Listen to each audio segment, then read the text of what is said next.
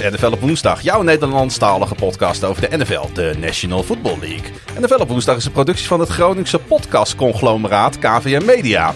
We gaan in deze aflevering voorbeschouwen op de AFC East en AFC West. Dat doen we samen met Michael Veit.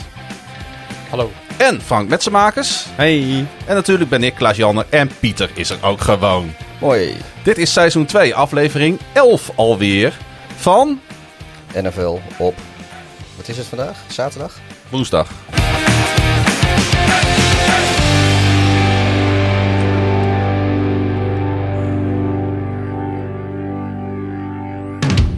Met en een volle tafel en een eh, vol programma. Want eh, we heten welkom op het hoofdkantoor van KVM Media in Groningen. Michael Veit. Ja, goedemiddag. Als eh, mensen jou niet kennen van eh, bijvoorbeeld social media of, eh, of eh, ja, nou ja, waar kennen mensen jou van? Dat is gewoon eigenlijk de vraag. Als mensen mij ooit ontvolgd hebben op social media, ik ben een stuk leuker dan vroeger. Oh, Ehm, is dat echt nou, zo? weet ik niet. Ik, eh, ik heb jarenlang eh, geschreven voor Sport Amerika. Zo ken ik jullie ook eigenlijk allemaal. Ja. En eh, nu bezig met eh, ja, eh, FC Afkik, FC Betting op eh, gebied van voetbal, merkvoetbal, Formule 1 en UFC. Om Ja. weer wat eh, content te maken, net zoals jullie. En je woont natuurlijk in het Zwolse. Altijd. Ja, en groot fan van, van de lokale PEC. Zeker weten. Ja, ja. Ja. want dat is ook een van jouw liefdes, hè? En de Hammers, sorry. En de Hammers. Ja. Ja. Is het nou wel of niet waar dat PEC staat voor Prins Endrik combinatie? Nee. Oké. Wat- Hoe kom je daar nou weer bij? En heel veel mensen in Zwolle die spreken de H niet uit als een woord met een H begint, toch? Oh. Dat de oudere generatie wel, inderdaad, ja. Nou, heel fijn dat jij eh, helemaal, naar het, eh, helemaal naar het Hoge Noord bent gekomen. Ik vind het heel leuk. Ik vind het heel leuk om ook eh, ehm, eens een keer bier te drinken tijdens een podcast. Ja, dat ben je niet gewend, hè? Nee, ik ben... eh, Vaak Mag, ochtends- mag dat niet van de, van de gokpodcast? nou, wij nemen meestal op om tien uur 's ochtends. En dat mag Dus? meestal niet van mevrouw. Ja, Ja, ik, ik, hier is dat geen issue. nee. Was het maar eens een issue. dat zou misschien beter We hebben wel eens veel vroeger op de ochtend opgenomen. Ja, wij hebben echt... eh, er zijn podcasts die inderdaad pas om eh, zes uur 's ochtends eh, online kwamen. Ja. Ja. toen waren we wel in bepaalde staat eh, van vermoeidheid in combinatie met, eh, met een Zit, slok zit, wel vanaf zes uur een beetje voor te bereiden, een beetje drinken en zo. Dan ga je om, eh, om half drie s'nachts beginnen nog eens op te nemen. nou ja, wij zijn vanochtend om acht uur begonnen met eh, voorbereiden. Dat is waar. Het is, en het is nu half negen s'avonds. Er zit wel voorbereiding in deze podcast, want misschien moet je toch heel kort even uitleggen wat er voor jou ligt. Ja, voor, voor mij ligt eh, speciaal hiervoor ook gehaald. eh, ik haalde hem vroeger altijd. Heel lang niet gedaan, maar ik vond het een heel goed excuus om hem weer te bestellen. De Football Outsiders Almanac 2021. Er staat eigenlijk eh, alles rondom de statistieken van het American voetbal. Tot aan de spelers, tot aan de teams toe, tot aan fantasy. Alles wat je wil weten. Ja, En de voorspellingen voor dit jaar, wat er gaat gebeuren op basis van statistische ehm, simulaties. En volgens mij zeiden jullie vorige week of de week daarvoor, Sport Amerika onafhankelijk. Jullie zijn de bierdrinkende voetbalkijkers. Ja, er was iemand op Twitter die zei dat zo eh, inderdaad. ja het, zo werden wij inderdaad neergezet eh, en wij waren het daar niet per se mee wij, oneens. wij, wij zitten een beetje aan de stamtafel. eh, Ja, ik ben een nerd die in de hoek zit met, eh, met zo'n eh, reken... eh, Zo'n brilletje. Zeg maar. Ja, nou, je en bent, wij gooien dan bierdopjes naaien. vind ik prima. Als je het vandaag niet doet, vind ik prima. we, zijn, we zijn blij dat je er bent, want we kunnen die invloed zeker gebruiken. En tegenover jou, voor de luisteraars rechts, zit eh, Frank Metsenmakers Goedemiddag. uit het eh, Tilburgse. Yes. Eerder te gast geweest natuurlijk bij ons. En eh, mensen weten natuurlijk wel dat jij ja, goed bevriend bent met ons. Dat klopt. Ja, Dat klopt. Ja, Ja. der- nu de, der- de derde keer? Ja, de derde keer Volgens denk mij ik. wel, ja. ja. een keer met Thanksgiving. Thanksgiving en de, en de NFL reizen podcast hebben we samen gemaakt. Want wij zijn natuurlijk met z'n drieën op reis geweest in 2019. Naar eh, Chicago, Detroit en Baltimore. En eh, hebben we toffe wedstrijdjes gezien. En corona, ijs en wederdienende gaat dat eh, dit jaar weer gebeuren. Laten we het hopen. Ja. Laten we het hopen. Nou ja, go- goed dat jij er weer bent in het Groningse. Moeten we jou de rest van de podcast ook gewoon Frank noemen? Of een van de andere aliasen ook goed? Eigenlijk alles Elke, wat... elke alias met een F is, is goed, eh, Pieter. Dankjewel, Farouk. Misschien om deze podcast af te trappen even een eh, vraag eh, van een luisteraar erbij pakken. Patrick die eh, vraagt zich af, wat wordt volgens jullie de spannendste divisie in de AFC? Leek me wel een leuke vraag om mee te openen. Frank, wat, wat, wat is jouw eerste ingeving? De spannendste divisie in de AFC. Dan ga ik voor de East, denk ik. Omdat ik verwacht dat de, Bills eh, favoriet zijn, maar dat het spannend wordt tussen de Patriots en de Dolphins om eh, al dan niet eh playoff deelname. Ah, Oké, En mochten mensen wat horen op de achtergrond. Het regent op het dak van het zolderraam. Het dak van de zolderstudio. ik wou net zeggen, deze zin kwam er anders uit dan ik in mijn hoofd had. Zo'n liedje van Rob de Nijs, hè? Ja, het voor de oudere luisteraars onder ons. Eh, Mike, wat eh, denk jij dat de spannendste divisie wordt? Van de AFC? Of Van de AFC, ja. Ehm, East, ja, eens. Oké. Ik bewaar nog wat voor straks, maar ik, Ja. ik denk dat Ja. eh, er een hele verrassende winnaar hier uit gaat komen. Oké, schot voor de boeg. Je wilt al weten. Ja? Nou, of wie het niet zijn dan. Nou, ik, kijk, Ja. jullie weten ehm, over het algemeen dat ik niet heel erg fan ben van de Patriots. Nee. Maar na het feit dat die hele bandwagon fans allemaal met Brady zijn meegegaan naar Tampa Bay, durf ik toch te zeggen dat ik niet tegen Bill Belichick durf te wedden. Oké, gaan we het zo verder over hebben. Pieter, de spannendste divisie in, eh, in de AFC Conference. Ehm, de North, denk ik. Met de Browns en de Steelers en de ja, Ravens en de Bengals ik- die eraan ik- zitten te komen. ik- nou, ik maak me niet zoveel zorgen om, over, over de Bengals. Die, eh, die worden gewoon vierde. Iedere take mag hier afgemaakt worden. Maar eh, ik denk dat het sowieso spannend gaat zijn tussen de, tussen de Ravens en de Browns. eh, wie, wie er met de winst vandoor gaat in die divisie. Ja. En ja, weet je, het, er hoeft maar iets te gebeuren bij ofwel de Ravens ofwel de Browns. En nog steeds, ja, dat zijn heel veel mensen die verklaren me misschien een beetje voor gek. Maar ik vlak nog steeds de Steelers niet uit die zomaar eens eh, voor de tweede plek kunnen gaan strijden. Als er bij een van de frontrunners wat gebeurt. Dus dat is ook nog niet. eh het is geen gelopen race, denk ik daar. Ze zitten op een knie, maar ze zijn nog niet omgevallen, de Steelers. Vinken touw zitten ze nu even. Ja. Ik ga voor de South eh, divisie. Wie het de slechtste is daar. Nee, nou ja, maar ook dat kan spanning opleveren. Ik vond vorig jaar de eh, NFC East ook ongelooflijk spannend om te volgen met Washington en Dallas. En eh, wat daaruit zou komen. En natuurlijk de Eagles, eh, die ook altijd, ja, die toch het hele jaar outsider daar waren. En in de South zie ik ook wel zoiets ontstaan. Ik vind niet dat de Tennessee Titans per definitie de favoriet in die divisie zijn. Ik vind wel dat ze het sterkste team overal zijn, maar niet per se grote favoriet. Ja, weet je, de Colts en de Jaguars kunnen zomaar per ongeluk ook eh, daar ertussen komen. Dus ik zie Ja. daar ook wel spanning ontstaan. Ik weet, de Colts die hebben natuurlijk een verre van optimale voorbereiding. Die gaan de eerste eh, anderhalf maand van het seizoen gaan ze eh, en hun beoogde startende quarterback missen. Maar natuurlijk ook eh eh, Quinton Nelson, die, die missen ze tot waarschijnlijk ergens in oktober. En Eh, Fisher. dat, ja, dat is. Ja, maar het feit dat, dat, ja, het feit dat Nelson inderdaad. Een, dat, dat, dat, dat is dan niet zo leuk voor eh, wie er dan eh, maar Wens eh, gaat vervangen. Ik, zou, ik, denk, ik heb mijn geld nog steeds een beetje op die eh Eason, heet die geloof ik. Die, die Ja. daar, ze halen wel. Ze hebben geloof ik net een veteraan eh, binnengehaald. Voor in ieder geval voor kamp. Maar ik denk dat, dat Eason daar gaat starten. Maar ik denk, het wordt lastig. Ja. Als, je, als, als, je, als je offensive line ook wat gemankeerd is. Dus die, die krijgen denk ik een valse start. En ja, ik denk toch wel dat de Titans eh, echt wel het sterkste... Als daar verder niks raars gebeurt, dan, dan winnen die volgens mij gewoon de South hoor. Zometeen nog meer daarover. We gaan eh, aftrappen met eh, de AFC East. En we gaan gewoon per team gaan we gewoon ons licht er even op laten schijnen. Ehm, en ik, voor de luisteraar misschien ook wel goed om even te weten hoe, hoe je deze podcast kan luisteren. Ik doe voor ieder team even een korte intro. En dan ga ik de heren erop laten reageren. En we beginnen dus in het verre zuiden van Florida met de Miami Dolphins. En ja, ik denk dat de hamvraag is: hoe gaan de Fins succes behalen met Tua Tagovailoa? En voor mij serieus een vraag. En misschien voor Miami zelf ook wel. Het team tekende Will Fuller en draftte Jalen Waddle in de eerste ronde. Ze deden aanpassingen qua offensive coordinator en quarterback coach. En er werd gesleuteld aan de O-line. Tua startte als rookie vorig jaar 9 wedstrijden. En 64% van zijn passes eindigde in de handen van een teamgenoot. 11 keer was het een touchdown. En hij heeft 5 intercepties achter zijn naam. Hij zal zich dit jaar gesteund voelen door een getalenteerde pass-catchersgroep. Een sterke defense en natuurlijk de door ons toch regelmatig geprezen Brian Flores. En toch, waar gaat het heen dit seizoen?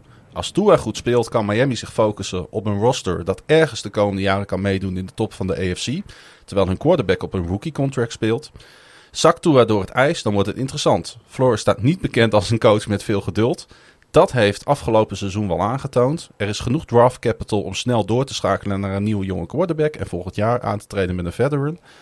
Een grote rebuild is dan niet nodig. Bottom line, dit seizoen gaat om information gathering. Dat proces kan leiden tot Tua die één van de beste jonge quarterbacks in de league is en een playoff run gaat doen. Of het gaat ertoe leiden dat de Fins in 2022 weer een hele andere richting opgaan. Ja. Nou, de Miami Dolphins, eh, Mike. Wat, eh, hoe heb jij naar hun gekeken afgelopen jaar? Verrassend. Eh, verrassend goed. En de beste seizoen waarschijnlijk van een rookie in de afgelopen tien jaar. Qua statistieken. Niet qua hoe het eruit zag, maar qua statistieken. Van. Ja. En wat heel grappig is, is dat de rest van het team eigenlijk een beetje in de steek heeft gelaten. Dus eh, een van de dingen waar wij altijd kijken naar statistieken is regression to the mean. Dus je gaat kijken naar een speler die zeven jaar lang speelt. Die zal misschien vier seizoenen hebben die beter zijn dan gemiddeld. Die zal twee seizoenen hebben die slechter zijn dan gemiddeld. Maar die zal altijd een beetje in het, in, in het midden uitkomen. Zeker defensive players. Nou, de hele defense van, van Miami vond ik vorig jaar Ja. echt, echt gewoon zwak. En als die dit jaar het gewoon goed doen. En als Tua niet heel ver weer terugzakt in, in, in ja, de, wat is het, sophomore slump. Dan, dan kan Miami gewoon mee in deze divisie, toch? Want ik vind die defensie op papier, en ik weet het is op papier, vind ik dat een sterke defensie. Ja, en vorig jaar was het eigenlijk... werd gezien als een van de top 5 verdedigingen. Ze zijn uiteindelijk geëindigd rondom plek 12, 13 als het gaat om verdediging. Ja, Ja. Dat is gewoon te weinig voor, voor dat team. En dus als je dus die, die rebuild gaat doen op offense... dan heb je je defense nodig. Daar investeer je ook in. ze hebben natuurlijk Andrew Van Ginkel, hè? Ja, maar ze hebben ook eh, Xavier Howard en die wilde vandoor eh, volgens Ja. mij. Eh, die, is, die is niet zo tevreden in... Ja, er is mot, eh, Frank, hè? Met, eh, met, eh, maar die ga je wel missen natuurlijk. Ik bedoel, dat we niet doen, dat is, dat is niet de, Ja, eerste, de beste... gaat hij niet nog inbinden? Nou, hij is nu wel weer verschenen op, op training camp. Ja, als hij dikke boetes. hij eh, doet, doet gewoon mee. Ja, maar volgens Ehm, mij is het laatste wat ik heb gehoord, wat hij zelf gezegd heeft, is dat de, de relatie beschadigd is. En Flores heeft gezegd dat ze hem niet willen treden. Maar ja, goed, niet willen en niet gaan. Dat zijn, dus, Ja, wellicht kunnen ze zijn contract eh, herstructureren. Misschien een... ik denk wel dat heel veel verschil maakt net, voor ze. Ja, precies. Net als, eh, als eh, ze bij de Packers met, met Rodgers gedaan hebben, bijvoorbeeld een jaar eraf. Dat hij eerder weer die free agent market eh, op kan en daar eh, toch het geld kan krijgen dat hij wil. Maar hij lijkt nu aanwezig op training camp. Hij doet alles mee. Ehm, dus ja, ik, ik verwacht dat hij er gewoon bij is aan het begin van het seizoen. Heel ik eerlijk. vind, eh, als we toch eens even naar die aanval eerst kijken, vind ik toch dat het een, op, op, op papier een, eh, een, een, een, een leuk team is om naar te kijken. Ik ben heel benieuwd natuurlijk hoe Waddle het gaat doen daar. Eh, ze hebben met Will Voelen natuurlijk een eh, uitstekende veteran keuze op eh WR2 staan. Devante Parker hoeven, hoeven ze zich volgens mij ook niet voor te schamen. Nee. Ik ben heel erg fan van hun tight end, Mike Gesicki. Waarvan ik toen hoopte dat de Baltimore Ravens hem zouden oppakken. Hij ging, naar, Miami. Eh, de Miles Gaskin is misschien wel een vraagteken op running back. Ja, ze Of hebben niet? Brown van de, van de Rams gehaald. En ze hebben Ahmed nog erachter. Dus dat, dat op zich eh, drie goede running backs. Ehm, ja, Waddle, daar eh, zijn toch een beetje zorgen over. Die heeft vorig jaar zijn enkel gebroken in oktober. Heeft toen toch de National Championship Game eh, gespeeld. Maar dat was, dat, die wedstrijd was eigenlijk al een beetje de explosiviteit miste. En hij is niet daarna weer, weer onder het mes gegaan. En dus, er komen wel wat geluiden uit Miami dat, hij, eh, dat, dat er twijfels over zijn of dat wel de juiste, de juiste route is geweest. Hij mist wat explosiviteit. Ze zijn Eh, vol voor hem gegaan, hè? Noemen ze het, ja. Ja. Dus ik, ik ben heel benieuwd naar, eh, naar Jalen Waddle. En verder ook, eh, ja, als, als Ravens-fan ken ik natuurlijk de nieuwe center Matt Skura heel goed. Altijd wat, wat issues gehad, met name met zijn snaps. Wordt de nieuwe center nu met, met Tua. En eh, ze hebben ook een, eh, een rookie eh, right tackle met, met Eichenberg eh, binnengehaald. Dus ik ben heel benieuwd ook hoe die O-line, precies wat Mike net zegt, hoe, hoe, hoe gaat die O-line Tua van dienst zijn? Ja. Over de running backs maak ik me daar Nou ja. daarentegen minder, minder zorgen. Oh, nou, ik maak me daar wel wat zorgen over. Want ik denk dat Tua niet zonder een sterke running game kan. En als we kijken naar bijvoorbeeld de success rate rank van Miles Gaskin... was hij gewoon een hele middelmatige running back vorig jaar. En eh, eigenlijk, Malcolm Brown en Salvon Ahmed... waren in de statistiek veel betere running backs dan, Ja, klopt. eh, Ja, dan ja. Gaskin. Nee, dat is ook precies wat ik net... eh, daarom noemde ik allebei die twee running backs net ook Ja. eh, na Miles Gaskin ook. Ja, Ik, zie, eh, ik zie Mike ook knikken. Ja, ik heb het tabelletje voor me. Ja, Success rate 59% voor, eh, voor Ahmed. En dat is hoog. ja die, eh, en, en, en Brown trouwens ook. Ja. Die is, die is nog wat hoger volgens mij Zullen geëindigd. ze, eh. zullen ze Nou, stiekem... nee, ja, 49. Maar met, een, met een, een aanzienlijk mindere sample size. Ja. Waarbij, net zoals bij Tua, zie je dus die laatste wedstrijden van de Dolphins... waar ze in de race waren voor de playoffs... hebben ze een stuk beter gespeeld. Ja. Er zijn de success rates ook echt een stuk hoger. Terwijl je wel ziet dat, eh, dat Gaskin gewoon echt het hele seizoen... Ja, stabiel matig is geweest. Die, heeft niet, die, heeft niet, die is niet meegegaan met die trend aan het eind van het seizoen om beter te worden. Gaskin kan natuurlijk wel ook een balletje vangen, hè? Ja. Vind je dat belangrijk voor een running back? Ja, in een aanval eh, die de Dolphins eh, willen neerzetten, denk ik wel dat het van Ik denk dat belang hij is. wel een, inderdaad een, een safety blanket voor, uh, voor Tua zal, uh, zal kunnen zijn dan. Ja, maar als je kijkt naar Tennessee, die bijvoorbeeld helemaal een, geen running back heeft die een bal kan vangen. Je hebt het niet nodig om een aanval te bouwen. Ik denk dat wat, wat Frank zegt met je O-line gewoon genoeg. Tua en Fitzpatrick stonden bottom 10 als het gaat om hoeveel ja. tijd je krijgt om te gooien. Ja. Ja, maar dat, ja, maar dat bedoel ik. Dan is het wel handig als je zeg maar, als er, als er toch vanuit het backfield nog iemand staat vlakbij om een, die in principe vrij staat om een bal te vangen. Dat je in ieder geval niet over de zijlijn wat heb je, hoeft te gooien of, of een sack hoeft te nemen. Omdat je, nou ja, met, met safety blanket als, uh, als een running back om, om, om de bal op laatst moment nog kwijt te kunnen, kun je zo nog even twee, drie yard pakken. Er, het zijn niet de grote plays, maar het houdt je drive wel in leven. Ja, maar dat, dat vind ik een hele lastige. Kijk, short plays, we hebben het echt gezien bij de Patriots, dat dat, dat echt een, altijd een outway was voor, voor Brady als hij weinig tijd had. En zeker in wedstrijden waar er, waar er heel veel rushes waren op hem, dan zag je dat hij daar gebruik van maakte. Ja. Maar het was onderdeel van een spel. Als het niet onderdeel is van je offense, zoals het niet bij, bij Miami en niet bij Tennessee is, moet je het niet proberen. Want dan krijg je fumbles, dan krijg je plays die je gaat forceren. Dan krijg je bijvoorbeeld screenplays waar die bal helemaal niet aankomt bij die, bij die receiver. Dus ik, ik vind... nou ja, je hebt nu het hele offseason om dat, ja. uh, dat erin te bakken natuurlijk. En... Want je hebt gezien wat er vorig jaar Ja. gebeurde. Dat hebben ze in Miami natuurlijk ook gezien bij de, bij de coachingstaf. Ja, maar dan zie je bij bijvoorbeeld Indy, die hebben dus heel weinig uh, running back receiving yards gehad, maar die hebben heel veel screens gedaan. Ja. Ja. Dus als jij dus een, een, een, running back hebt die niet op, uh, op in voorwaartse motie kan, uh, forward motion kan, kan vangen. komen. Ja. Ik ga zoveel Engelse termen erin gooien, jongens. Dan, Allowed. ik heb mijn hele middelbare school in Amerika gedaan, dus ik, uh, ik heb een vrijbriefje. Nee, maar dan, dan heb je dus receivers die niet in forward motion kunnen vangen. Die moet je dus met screen passes gebruiken. En dat zou je eventueel nog kunnen doen. Dat je zegt, hè, we gaan met een, een double back uh, two-back uh, systeem werken. Dat je eentje naar links stuurt uh, voor, de, voor, voor de screen en eentje rechts gaat laten blokken. Mooi, ja. Is, het, is, is Miami niet ook gewoon een, op offense zeker een te jong, te jonge ploeg? Als ik er gewoon zo eens naar kijk, zit, er zitten weinig veteranen in. Bestaat dat nog in de NFL, een te jonge ploeg? Ja, dat is een vraag. Ik, ik, ik, denk dat je weinig. Wat is het? Het drop-out percentage van spelers na een rookie contract is nu ongeveer 70%. Ja, maar zelfs dat. Ik, eh, als je kijkt, dan heb je op, op de line heb je eigenlijk niemand met meer dan uh, drie, vier jaar ervaring. Dat is wel heel weinig hoor. Ik, ik denk dat het de hele seizoen heel interessant gaat zijn. Is natuurlijk dat je vorig jaar niet echt een offseason hebt gehad. Je hebt vorig jaar geen offseason training camps gehad. Dus heel veel van die, van die sophomores die komen nu binnen, tweedejaars spelers, die komen nu binnen en die spelen echt hun eerste offseason pas.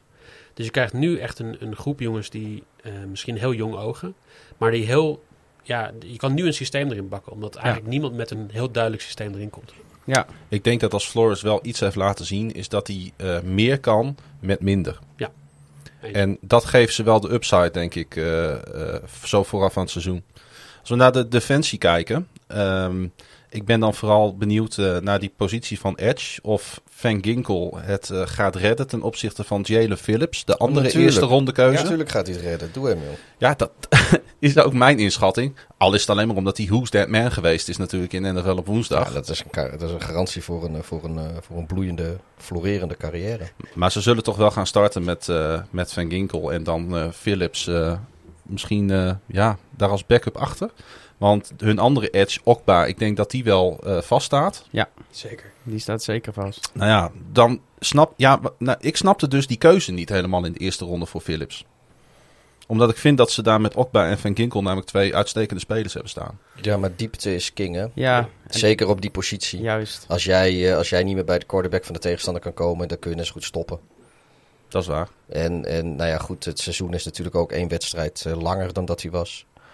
Ik denk dat, dat uh, ja, het, het, is misschien maar één wedstrijd, uh, dus dat, dat, klinkt dan niet zo denderend. Maar ik denk dat, dat net iets meer diepte op een paar cruciale posities, dat gaat echt het verschil maken ja. dit seizoen voor veel teams. Zeker als je, nou ja, zoals de Dolphins, ik, ik denk die zijn niet per se de, de favoriet in hun divisie. die zullen, nou, die, de tweede plek is als alles gaat zoals mensen een beetje verwachten, is dat denk ik het hoogst haalbare. Eh, voor hun in de AFC East, achter Ja. de Bills. En ik denk dat het heel belangrijk is om, eh, om dan te zorgen dat als Ja. je met een team als de, de Patriots de, de strijd aan moet gaan voor die tweede plek, dat je dan inderdaad eh, zorgt dat je En dat, de dat, breedte hebt en de diepte. dan mogen ze natuurlijk ook meteen in week 1 laten zien. Ja, ze openen 12 op, al, eh. zij openen op Foxborough. En ze hebben de eerste vijf, dat, is- dat is Patriots, Bills. En dan week 5 moeten ze naar de Bucks. Dus die weten, die weten binnen 5, 6 weken weten de Dolphins exact waar ze staan. Als ze dan even het schema erbij pakken, is het wel interessant dat zij in week 14 pas de bye hebben. Maar in de weken rondom die bye hebben zij in week 11 moeten ze naar de Jets. Dan Ja. hebben ze de Panthers, de Giants, de bye, de Jets en de Saints. Eh, en daar zie ik mogelijk wel een, eh, Een, een run voor ze. Eh, en dan sluiten ze af tegen de Titans en, en de Patriots. Ehm, maar ik denk dat, dat met name dat het best wel zou kunnen zijn dat het, dat het record van de Dolphins eh, halverwege het seizoen misschien nog iets tegenvalt. Maar ze hebben die, eh, ja, het schema is aan de achterkant wat, eh, wat lichter dan aan Ja, de ze hebben, voorkant. ze hebben geloof ik de, de achtste strength of schedule voor zover dat Ja. in het begin van het seizoen wat waard is. Want dat, dat, dat, Nou ja, Ja. we hebben afgelopen jaren wel gezien dat, het, dat, het, dat je er iets van kan zeggen. Kijk, de, jouw, jouw eeuwige voorbeeld, de Steelers vorig jaar, die het makkelijkste schedule hadden. Eh, dat, dat, dat bleek ook wel Ja. met een eh, 11-0 eh, run, of 12, 11 of 12. 11-0. 11-0 denk ik. Ja, maar ze- er zijn eh, natuurlijk, eh, ja, dan kun je wel, zelfs als je het makkelijke strength of schedule hebt, er, er zijn niet vaak teams die 11 Nee. of 12-0 gaan. eh, Nee, nee, nee, eh, nee, dat klopt. Dat klopt. Maar, we kunnen er eh, iets van zeggen. Nou, maar het is inderdaad, het, het, het, het, het is aan het einde toe is het, eh, lijkt het wat, wat simpeler te zijn dan, dan aan het begin. Ja. Maar, eh, Samenvattend, eh, wat de Dolphins betreft, ik denk ontzettend veel talent op het roster. Vooral in de secondary, defense, high floor, high ceiling. klopt. Offense eh, moeten de jonge offensive linemen zich gaan ontwikkelen, denk ik, eh, bij Miami. Dat is wel key voor hun. En hetzelfde geldt natuurlijk voor hun quarterback, voor Tua. Die nu eh, niet meer de luxe heeft van een eh, betrouwbare eh, backup. Hij moet het nu echt gaan doen. wat maakt hem trouwens, eh, eh, zijn, wat maakte zijn, zijn, zijn seizoen zo goed, eh, eh, statistisch, wat jij net zei? Nou, de- vooral dus Want de laatste... eyeball test, eh, het, was niet slecht of zo, maar ik was ook niet onder de indruk. Ehm, dat kan. Ik denk wat hij heel goed deed is met de ruimte. Kijk, we hebben het gehad eh, voor de uitzending over data is contextueel. En heel veel dingen als je een NFL-wedstrijd zit te kijken, dan krijg je bijvoorbeeld te zien, nou, dit is de derde beste offense of de derde beste defense op basis van total yards. En total yards is een compleet misgepakte eh, statistiek. Ja. Tua, die heeft in wedstrijden die het dus omdeden op een gegeven moment, ehm, in momenten dat hij er moest staan, heeft hij hele goede dingen gedaan. En in situaties waar hij eh, game-winning drives moest pakken, of in situaties waar hij op third down. Miami was het beste op third down van iedereen in de Ja. NFL voor het seizoen. Dus dan, dan krijg je veel meer punten als het gaat om DVOA en over zijn Maar hij werd er ook een Ja, paar keer eh, gewoon precies. uitgehaald om, om zodat, zodat Ja. Fitzmagic nog even kon, kon. Fitzmagicen. Ehm, Waarom Dave Flores dat dan, denk je? Omdat ze de play-offs moesten halen. Dus als jij, als jij het beste van allebei de werelden kan gebruiken, is dat prima. Ik, ik denk dat Tua zich heel goed ontwikkeld heeft met de druk waar hij onder stond aan het einde van vorig seizoen. Ja. En dat hij daarop moet doorbouwen. Maar je ziet wel dat het een jongen is die geleerd heeft in, college hoe je moet winnen. Hoe je aan het einde van de wedstrijden moet gaan staan. En dat zie je ook terug in de contextuele statistieken. voor, eh, voor wat het waard is trouwens. Het schijnt wel dat hij, eh, dat hij eh, in trainingscamp, of trainingcamp vooralsnog eh behoorlijk wat indruk maakt.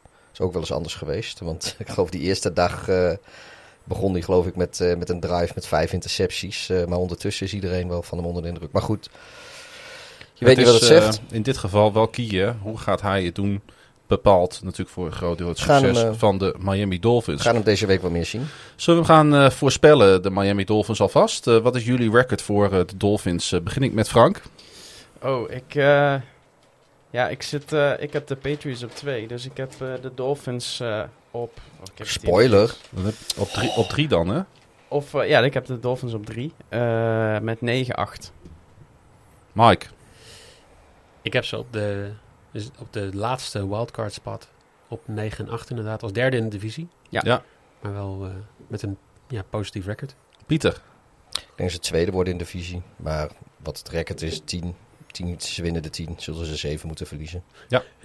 Ik heb ze op een tweede plek in de AFC East staan met een 9-8 eh, record. En ik denk dat ze daarmee net buiten de playoffs gaan vallen. Net als wel vaker. Sorry, eh, Annie. Ehm, gaan we door eh, naar de Buffalo Bills, eh, jongens. Ehm, ja, en ik denk dat fans van de Bills rijkhalsend zullen uitkijken naar dit seizoen. De playoff run van hun team was de diepste vorig jaar sinds 1993. Mind you. En net als de Browns is de franchise opeens een toonbeeld van stabiliteit. General manager Brandon Bean doet het geweldig. En de coachingstaf klikt met Sean McDermott, OC Brian de Bol en DC Leslie Frazier. De basis is bijeengehouden, zonder megabedragen neer te leggen, los van Josh Allen natuurlijk. Onder de 11 offensive spelers die vorig jaar minimaal 500 snaps speelden, keren 10 terug. En er werd diepte toegevoegd met name als wide receiver Emmanuel Sanders en backup quarterback Mitchell Trubisky. Defensief zal gehoopt worden op minder blessurepech en de ontwikkeling van jonge spelers. De rebuild lijkt te slagen en bovendien hebben ze een blueprint weten te maken voor hun jonge quarterback om die optimaal te ontwikkelen. Josh Allen ging met sprongen vooruit vorig jaar en is nog maar 25 jaar oud. Het moment is nu. Dit kan het jaar van de Bills worden. Een Super Bowl ligt binnen bereik. Zo, je legt Ja, eh, zo. doe maar een beetje druk er meteen op. eh. Een Super Bowl ligt binnen bereik. Pieter. Wat als ze nou, eh, ze, ze openen meteen eh, eh, tegen Pittsburgh. Mooie openingspot. Ja, en dan, heeft, dan hebben de, de Bills alle druk. En Pittsburgh toch wat minder. Dan gaan ze meteen verliezen bij de, van de Steelers. Dat doet denk ik wel wat met hun seizoenstart. Ja, ik zeg gewoon dat gaat gebeuren namelijk. ja jij, Dan, eh, jij, dan jij kunnen- schalt Ja. namelijk die Steelers wat hoger in dan, Nou, dan wij allemaal niet per se, mij. maar ik denk dat, dat de, de Bills, die, eh, die zijn verschrikkelijk goed. Maar eh, eh, ik, ik, ik zie ze zo inderdaad, zo'n zo'n eerste wedstrijd. Zeker omdat het tegen een team als de Steelers is, eh, eh, zomaar kunnen laten vallen. Ja, Want- Maar als je naar de, toch naar de basis van de Bills kijkt en hoe die bij elkaar Ja, zijn gebleven, ja, ja, ja. dan hebben die toch wat dat betreft een voorsprong ten opzichte van de Steelers, die veel meer vernieuwingen hebben moeten toepassen. Ze zijn van alle... We hebben ze allemaal natuurlijk voorbeschouwd voordat we hier aan begonnen. En van alle EFC-teams zijn ze volgens mij verreweg het meest intact gebleven. Zij eh, voegen van de 11 offensive starters die meer dan 500 snaps hebben gehad vorig jaar, kunnen ze er 10 terugbrengen en voegen ze Emmanuel Sanders toe. En van die eerste twee draft picks, eh, Basham en, en Rousseau, eh, op edge, die, die hoeven niet eens te spelen in de starting line-up. Om, eh, omdat de defense eh, die ze hebben al, eh, al staat. Dus zij zijn in de breedte zijn ze alleen maar sterker geworden. Het team blijft gewoon staan. Oh, ik zeg ook niet dat het geen goed team is. Dus ik, of dat, ze, dat ze minder zijn geworden. Ik zeg alleen, het ze seizoen niet- van de Bills kan alleen maar tegenvallen. Want iedereen heeft ze nu al gekroond. Ja, ik, Iedereen, echt? Nou ja, over het algemeen, eh, eh, zeg maar, eh, NFL becommentarierende media mensen, NFL, Twitter. over het ja, ik ben wel onder de indruk als ik, als ik kijk wat, wat ik van ze heb gezien en wat ik, Als, wat ik eh, voorbereid. ja, als, Als, ze, als ze gaan praten over teams in de AFC, dan gaat het, het is altijd Chiefs Bills. En pas dan kom- komen, komen teams als de Ravens en de Browns en, en weet ik veel allemaal. Het is, het is over het algemeen Chiefs en Bills. En zeker in de, de AFC East zijn de, ja, volgens heel veel mensen hoeven, hoeft, hoeven de Chiefs dan niet eens te spelen. Die kunnen zo direct al aan de playoffs gaan beginnen. Ik ben blij dat je een beetje tegengas geeft, maar ik denk dat er wel echt reden is om optimistisch te zijn als Buffalo Bills fan, eh ja, dat wel. Ik zeg alleen, het kan alleen maar tegenvallen. Dus een, een, een Dat- 14-3 daar- ja. zit er denk ik niet in. dat, dat klopt, ja. Maar 13 en 3 vorig jaar met een, een, een, ehm, de, die andere Josh Allen. Die ehm, zeg maar opeens inderdaad heel goed derde jaar had, zeg maar. Waar ik denk niemand bij coachingstaf heeft gezegd... wij moeten in ieder geval Josh Allen stoppen. Zeker die eerste acht weken niet. Dus die eerste acht weken heeft Josh Allen echt de kans gehad om te groeien. Je, je gaat dit jaar zien dat, dat de, de spelmanier die hij had... dat tegenstanders, defensive coordinators... gewoon een manier gaan vinden om hem te stoppen dan denk ik dat je als Buffalo een probleem hebt. En Buffalo, ik mag ze sowieso niet, dus ik ben hem hier enigszins biased in. Maar ik- denk dat je als Buffalo... De, de beste analogie die ik ge- gezien had, eh, zijn ze door de glass ceiling heen gebroken... en gaat deze franchise compleet anders zijn dan de afgelopen 20 jaar? Of is het een soort plexiglass ceiling, dat ze een hele mooie bounce naar boven hebben gemaakt... maar nu ook keihard zeg maar, een rebound krijgen naar beneden toe? Ik denk het laatste. Ik denk dat het heel leuk is dat je iedereen intact hebt gehouden... Maar ik, ik denk dat je zonder die concurrentie met, een- met een vriendenteam, wat zeg maar vorig jaar het heel goed gedaan heeft, dat je niet scherp aan dit seizoen gaat beginnen. Ja, dus wat, je, wat je eigenlijk zegt is van, eh, eh, het is nog maar zeer de vraag of eh, vorig seizoen niet gewoon een piek was in plaats van een, een, een, gewoon hun niveau. Er zijn 63 teams in de geschiedenis van de NFL die zo'n grote uitschieter naar boven hebben gehad in, hun, in, in één seizoen. En heel veel krijgen er volgens mij heel rap weer eentje naar beneden, de vlak na. Ehm 58 daarvan. Maar we kunnen toch niet doen alsof eh, ze bij de Bills een, een, een matig eh, roster met weinig diepte hebben gesmeten. Nee, nee, nee, nee, nee. Maar ik, wat, wat wij eigenlijk doen, want ik, nou, ik heb er een beetje bijval gekregen. Iedereen die, die, die Ja, heeft zie, ze al ik zie ook gelukkig Ja. zalig glimlachen. Nou ja, nee, maar iedereen heeft ze al gekroond. En, en, en ik bedoel, kijk, het, is, het zijn niet de Patriots of, of de Steelers of de Ravens of, nou ja, in, in dit geval in de AFC dan even, die, die gewend zijn om en bewezen hebben jarenlang stabiele niveau vast te kunnen houden. En als ze dan 14 keer in een seizoen winnen of 13 keer in een seizoen winnen, als, als de, de, de Ravens of, of, of de Patriots of de Steelers dat overkomt en ze houden hun, hun team redelijk bij elkaar, ja, dan is het vrij veilig om, om te zeggen, nou, dat zullen ze het seizoen daarna ook wel ongeveer zoveel winnen. Misschien eentje meer, misschien eentje minder, maar dat, dat is hun niveau wel. En de Bills hebben nog totaal niet laten zien Ja, dat ik- dat zo is. Ik, eh, ik verwacht toch echt dat ze dat gaan doen. En eh, weet je, ik, ik, ik, ik denk echt wel dat ze hun de, de, de, de divisie gewoon gaan winnen. Ja. Maar eh, ik, ik weet niet of zij die AFC powerhouse worden waarvan iedereen al eigenlijk zeker lijkt te zijn dat ze dat gaan worden. ja. Eens. Maar laten we het dan even op dit seizoen houden. Even los van de Ja, verdere dit- dit toekomst. komt- dit, komt- gaat Ja, over nee, dit dit seizoen. Gaat over dit, ik, ik snap wat Pieter... Jij eh, bent wel Pieter wat lyrischer, heb ik het idee, eh, Frank, Ja, over ik, de heb Bills. ze, ik heb een lager record dan, eh, dan vorig jaar. Dat, dat wel even. Ehm, maar ja, ik, ik zie gewoon een, een, een heel compleet elftal. Wat, een, een heel, 53-tal.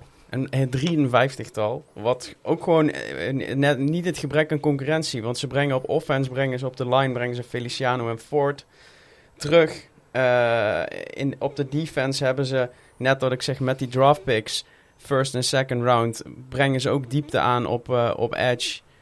En eh, doen ze, bou- bouwen ze het roster eigenlijk ook verder uit. Ehm, dus ik, ik zie eigenlijk helemaal geen reden voor een, eh, voor een decline. En het is ook niet zo dat ze vorig jaar in één keer heel goed waren. Het jaar daarvoor klopte ze eigenlijk ook al op de deur. En ze bouwen eigenlijk redelijk gestaag eh, verder. Want toen waren wij, eh, waren wij bij de wedstrijd tussen, tussen de Bills en de Ravens... die uiteindelijk moest uitmaken wie als eerste van de twee naar de playoffs ging. En toen gingen de Bills uiteindelijk eh, ook uit de, de playoffs in. Dus het is niet zo dat het in één keer een, een piek is. Dat gevoel heb ik niet echt. Misschien wijzen de statistieken anders uit. Maar ik heb niet het gevoel dat, eh, dat dit een eendags vlieg Nee, maar het ze waren de seizoen ervoor, deden ze mee. En vorig jaar waren ze in één keer... eh, eh, Maar goed, Ik denk dat ze één ding moeten uitvinden als het om de defense gaat. Die wil ik nog even neerleggen. Ze hebben natuurlijk met eh Tredavious White denk ik een zekere cornerback 1. En daarna is het eigenlijk best wel eh, eh, eh, ja, spannend wat ze gaan kiezen. Want ze hebben Levi Wallace en Dane Jackson, als ik me niet vergis.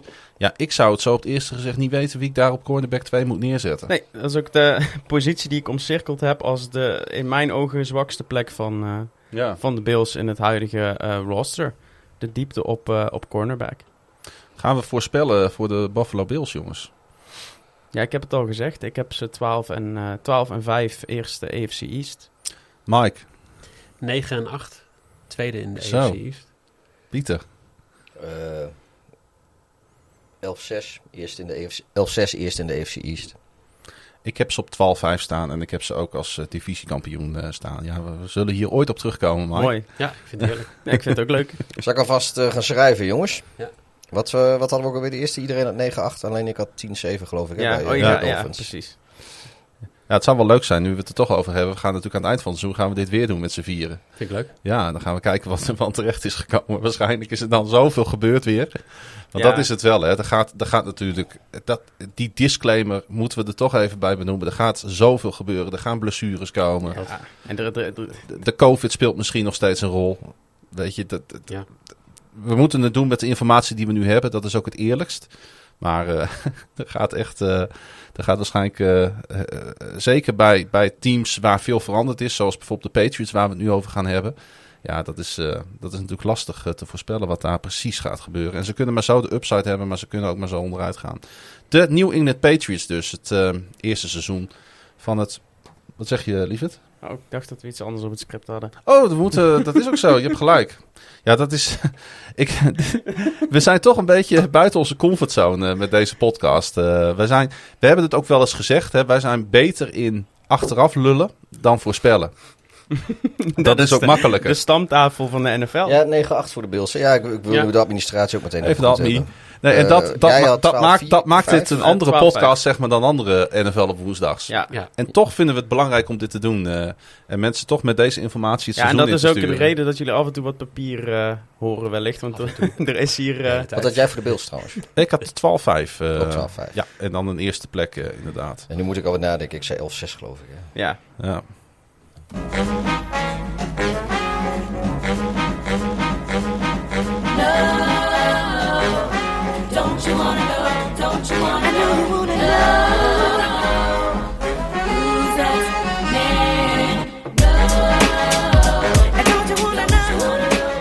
Maar NFL op woensdag zou NFL niet woensdag, NFL op woensdag niet zijn. Als we toch gewoon een Who's That Man hebben deze aflevering. Ondertussen krijg ik een heerlijke flesje bier aangereikt door, ehm, door Frank. En ehm, had jij nou die Who's That Man voorbereid, eh Frankie? Ja, dan moet, dan moet je toch weer op je plek gaan zitten. Want eh, volgens mij... eh, ehm, Ja, hij mag ook wel weer gaan zitten, want dat, dat bier pakken dat is toch niet aan hem besteed. Want ik vroeg hem een moe- moersleutel, maar ik krijg een whiplash. Maar het is goed hoor, ik, ik ben blij. Alsof dat niet lekker is. eh. Jij hebt, eh, wij hebben jou gevraagd om de Who's That Man eh, van deze aflevering voor te, voor te bereiden. Ja, En het, het heeft iets te maken met, eh, met de Buffalo Bills. dat, eh, dat klopt. Ik heb wel het script niet, eh, om even zo te zeggen. Wat een amateuristische podcast is Ja, dit, mooi, jongens. Nou, we zijn er weer. Eh, De Who's That Man van deze week. Ja, ik denk dat we hem instarten met een geluidsfragment.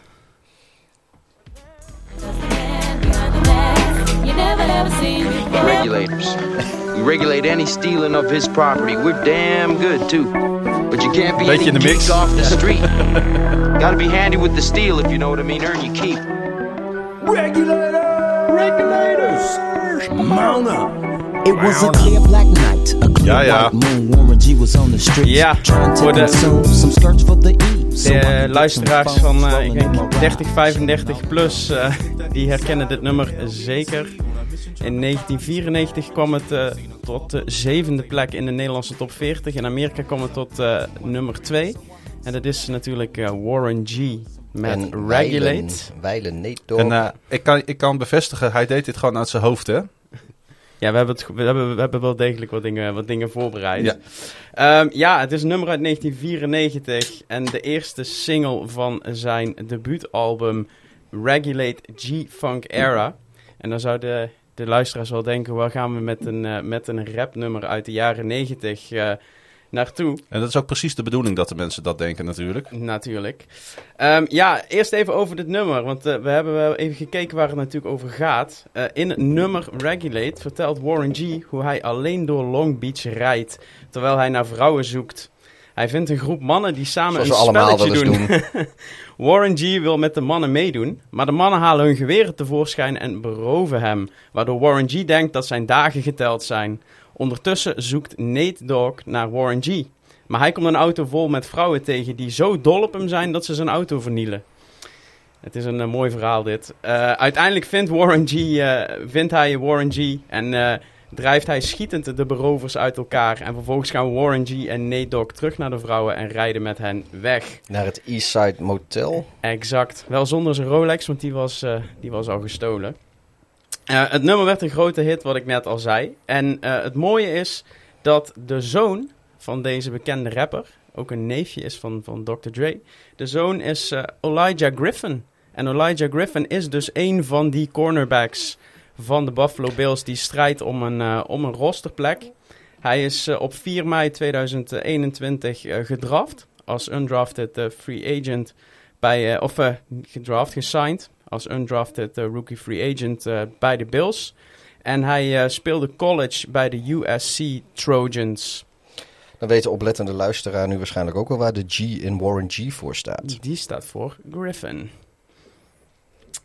Ehm, ja, dus dat, hij is geboren in Mission Viejo in California. Ik hoop dat ik het zo goed, goed uitspreek. Ik denk het wel. En eh, als wij, eh, voordat we nog even naar het geografische stuk van deze Who's That Man gaan, want dat is eh, natuurlijk Klaas Jans taak, willen we natuurlijk ook even weten hoe hij het op dit moment doet in, in training camp. Ehm, en er is een, een beatwriter, Matt Perino, van de New York Upstate. Die heeft een stukje over hem geschreven.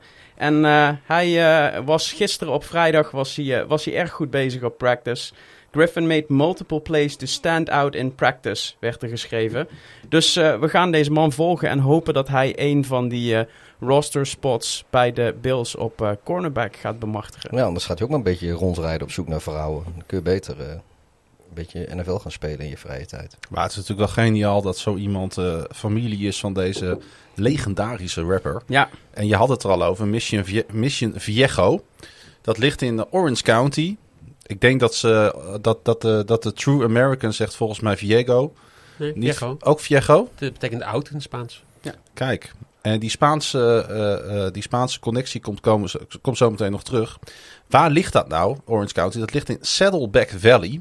Dat is even ten zuiden van LA. En eh, de regio heeft best wel een belangrijke eigen identiteit. Dat hele, dat Saddleback. Want het is best wel een moeizame regio.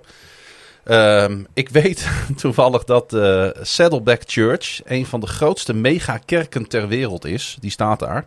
Eh, wekelijks gaan daar zo'n 25.000 mensen naar de kerk. Met als voorganger de bekende schrijver Rick Warren. Die ook daar de, de voorganger is. Ik denk dat de mensen die... Heeft ook een achternaam die met een G begint? Eh, Gewoon voor het idee. Nee. Want, eh nou. Die, die een beetje e- evangelisch zijn opgevoed. eh, die kennen de naam eh, Rick Warren als het goed is wel. In Mission eh Viejo, Viejo eh, wonen bijna 100.000 mensen. En die wonen daar midden in de natuur. De stad wordt geroemd om de vele bomen. Nou, het is maar waar je onbekend wil staan, maar goed, ze staan er. De stad is ooit eh, ontstaan rond een ranch van Don Juan Forster, die een Engels-Mexicaanse achtergrond had. En hij verhuisde op zijn zestiende in 1830 naar California. En California was toen nog een provincie van Mexico. Eh, om ook even dat, eh, die context neer te zetten. En hij trouwde daar een lokale vrouw van de prominente Pico family, die vele ranches bezaten.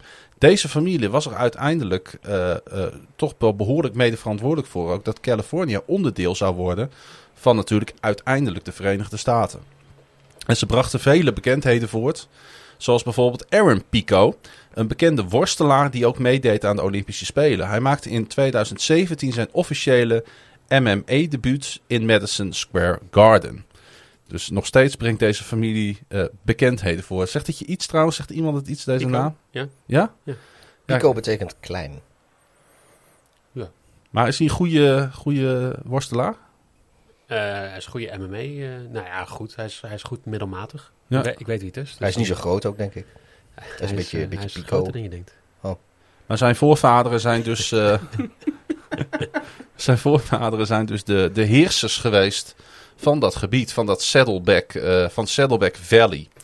Eh, terug naar Don Juan, die tijdens de Mexicaans-Amerikaanse oorlog zorgde voor de paarden die werden gebruikt om LA binnen te vallen. Het land was, eh, ja, ik zei het net al, niet populair. Het bleek slecht begaanbaar, niet geschikt ook voor boeren. En pas eind vorige eeuw werd Mission Viejo een serieuze plaats, omdat er een urban planner opgezet worden. En het was gelijk een hit in de jaren 70. Het is een van de weinige steden in Amerika die een helemaal een Spaanse stijl heeft. Met dus van die brede lanen, met van die bomen waar ik het net al over had aan weerskanten. En eh, het is eigenlijk een hele mooie plaats dus om te wonen. Nowadays is het een van de allerpopulairste plaatsen in Californië om, eh, om een huis te bezitten. Ook een van de duurste trouwens. Ja, dat zal. Ja, en met natuurlijk LA op, eh, op steenworp eh, afstand. Maar aan de andere kant natuurlijk ook eh, de, de, de zee. Ja. De stad is, in de stad is atletiek de grootste sport. En ook voetbal, dus het Europese voetbal zoals wij dat kennen, is er erg groot. Met liefst vier voetbalclubs. Ehm, ook het zwem- en duikteam acteren op hoog niveau met een keur aan Olympiërs. En, dat is dan ook wel weer leuk, tijdens de Olympische Spelen van 84 in LA werd in Mission Viejo het roeien gehouden. Dus het is echt wel een, eh, een, sport, een, sta- een sportstad. Zo zou je het toch wel kunnen Een noemen. rijke sportstad. Want alles Ja. wat je opnoemt, voetbal, eh, zwemteam, alles wat wij ook zeg maar, op de middelbare school hadden. Ja, roeien. In, in Sawgrass eh, in Florida. Ja, Dat zijn allemaal rijke luisporten. En dat, daar, wordt, daar moet heel veel voor je geïnvesteerd worden. Dus het is veel makkelijker om bijvoorbeeld een zwemploeg op te zetten in een buurt waar veel property tax is in Amerika. Ja. Ten opzichte van een buurt met... Je kan niet zeg maar gewoon zeggen in inner city eh, Baltimore leg je even een zwembadje neer waar... eh, nee. de high Ja, school maar dan ligt hebben ze, hebben ze de aquarium. Inner Harbor al. En dus een je, aquarium. zwemmen ze gewoon in de... Ja, maar, mooi. de- maar het is wel, het is wel een, het is een interessant gebied ook, omdat het, ehm, wij zien Californië allemaal een beetje als eh, de, de, de hippies en alles wat erbij zit. Eh, Orange County is echt wel het tegenovergestelde. Dat Ja. is echt wel, eh, Ja, ik kan, ook mensen, ik kan mensen ook zeker aanraden als om, om even wat plaatjes op te gaan zoeken op Google eh, van de omgeving. Want het is, het is een beetje ruig. Het hangt een beetje tussen bergachtig en vlak in. Hè, een beetje onherbergzaam. Maar, Heuvelachtig. Ja, ja, ja, heuvelachtig. Ja, maar er is dus... Onherbergzaam. Ja, het is, nee, ja, dat is... Of zeg ik iets raars? Nee, nee, eh? nee, nee, dat mooi. klopt. Ja, loka- ja, Thomas? Het leuke is wel, zeg maar, er zijn heel veel connecties met eh Mexicaans Californië, maar ook Mexico-Texas met die oorlogen. Als je echt, nou, we hebben het nu over een Engelse Mexicaan. Ja. Eh, nog leuker is als je terug gaat kijken naar eh, de Ieren en de Mexicanen. En hoe die samen hebben gewerkt in, de, in, in die oorlogen. Dat waren echt mercenaries die die kant op zijn gehaald. Maar die hebben ook echt een hele legacy achtergelaten qua eten, eh, qua cultuur, alles wat erbij zit. En eh, dat heeft ook invloed gehad op, eh, op Californië en alles wat daarbij zit. Interessante mix. In de lokale college, heet uiteraard Saddleback College, heeft toch wel wat notabelen voortgebracht. Vinden we altijd leuk om even naar te kijken. We pikken er even een paar uit. Ik weet niet of de naam Anthony Carter jullie wat zegt. Een point guard van onder andere de Miami Heat, San Antonio Spurs, Minnesota Timberwolves, Denver Nuggets, New York Knicks en de Toronto Raptors. Heb je toch een aardige staat van dienst opgebouwd? Meestal is het niet Ja. heel goed. als Ja, ben je een beetje journeyman. eh, journeyman Nee, eh. nee, nee, maar ik vind als je qua teams zeg maar, heeft hij wel voor hele toffe teams Ja. gespeeld. Dat bedoel ik eigenlijk te Ja, zeggen. zeker. Ja. Hoeveel Dus, ringen eh, heeft hij? Eh, geen idee, heb ik niet naar gekeken. Hebben San Antonio gespeeld. Dus, eh, Ja, nou, het was eh, eind jaren 80, begin jaren 90 dat Nul, hij daar denk speelde. ik. denk ik. Dus dan zijn het er nul. Ik denk nul. Ja, acteur Brandon Hammond eh, heeft ook op eh dit Bekend van films of series als... Space Jam. Hij speelde Michael Jordan als kind. Oh. Ja. en hij speelde in twee seizoenen van Dr. Quinn Medicine Woman. Kennen ook, jullie dat nog? hij, hij heeft ook nul ringen dus. Ja, Ja, hij heeft ook nog een. Ja.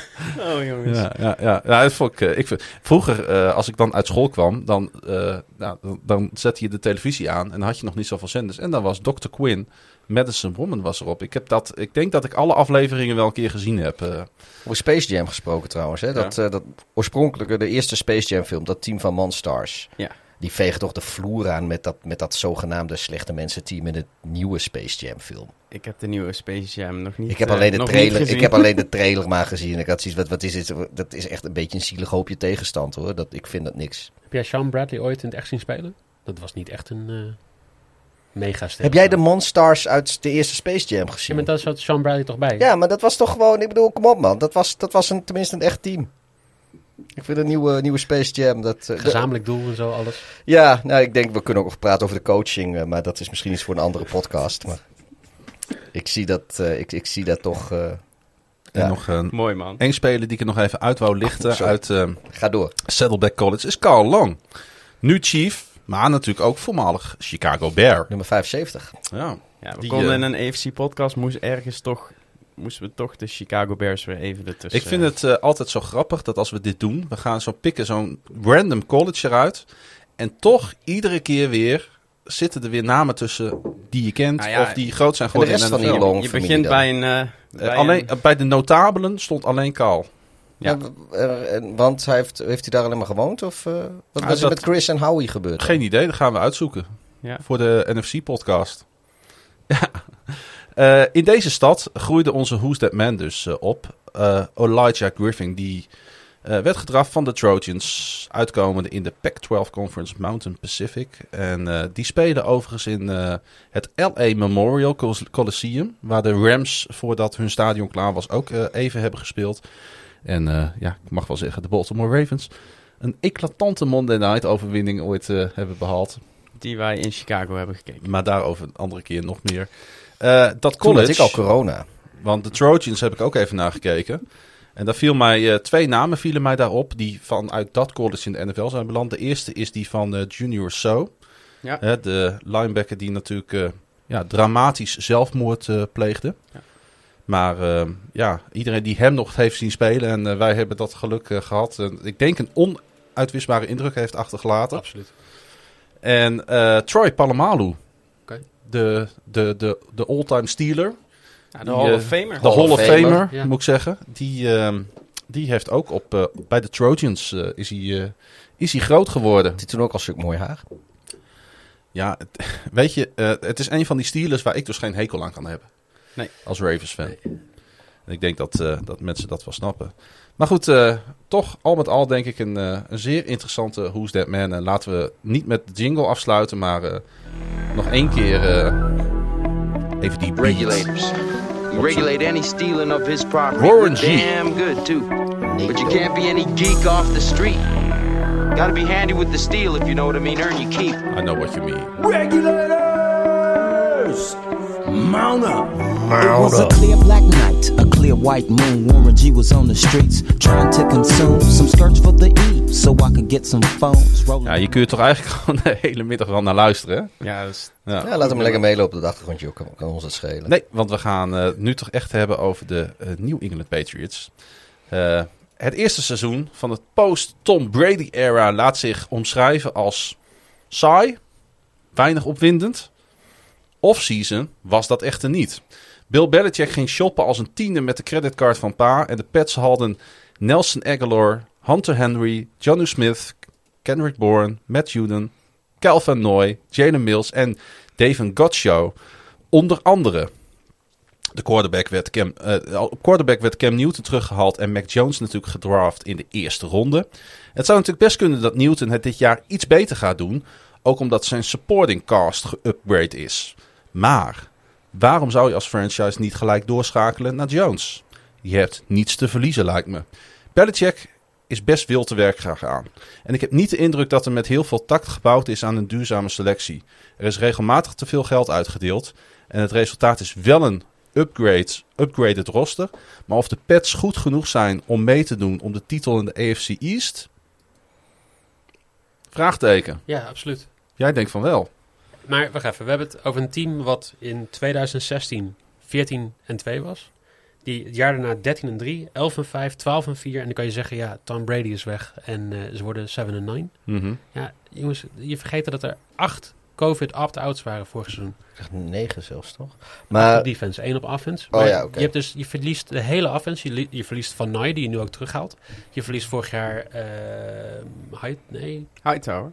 Ja, opt-out. Ja, op de opt-out. Maar er was Ja. nog een jongen die, eh, die je kwijtraakte. Dus dat ten eerste. En ze hebben een, een, ja, een, een blank check gekregen van Kraft om weer gewoon alles uit te geven. Een hartstikke grote cap space. En de enige plek waar ze echt een overspend hebben gedaan is op tight end. Maar ze hebben nu samen met Tampa Bay... Ja, Ja, en Smith. En Johnny en Smith. Smith. Ja. Maar je hebt met Smith en Henry heb je dus de twee van de top 15 tight ends in de, in de NFL. Ja. Het enige andere team dat dat heeft is Tampa Bay. Dus als je dus ook wapens wil geven aan Cam Newton of Mac Jones of wie dan ook die er gaat staan, heb je dat en je hebt een verdediging die er weer voor kan zorgen dat je daar ook gewoon mee kan. Dus ik denk dat New England echt terug kan naar het niveau van 11 en 5, 12, eh, eh, sorry, 11 en 6 is nu tegenwoordig, 12 en 5, 13 en 4. En dat Bill Belichick weer echt het maximale uit het team kan gaan halen. En dat zeg ik niet met heel veel plezier, want ik heb echt niet heel veel met de Patriots. Maar Ja. dit, dit is toch niet echt een team waar we met z'n allen gaan onderschatten. Eh, nou, onderschatten niet. Eh, maar ik denk dat we ze ook niet moeten overschatten. Wat is jouw take eh, over de Patriots, Frank? Ja, ik heb ze op... ik, ik heb ze ook op een beter record dan vorig jaar. Nou, dat is, niet, dat is geen hot take. Ik heb ze... nee, ik, heb, ik, heb het, ik ben het ergens wel eens met jou. Ik denk dat jij positiever erin staat dan, dan dat ik erin sta. Maar dat is meer omdat ik het gewoon wil zien. Is, is, het, is die magie er nog die er eigenlijk altijd in, eh, in New England is? Ehm, en ik zie met name op defense zijn ze echt een, heel stuk sterker geworden. Maar moet het wel allemaal nog maar weer even in elkaar vallen. Ook die opt-outs zijn een jaar, weer een jaar ouder. Kunnen ze, kunnen ze het weer opbrengen? Kan een Hightower weer terugkomen? Kan, gaat, dat weer, eh, gaat dat weer allemaal gebeuren?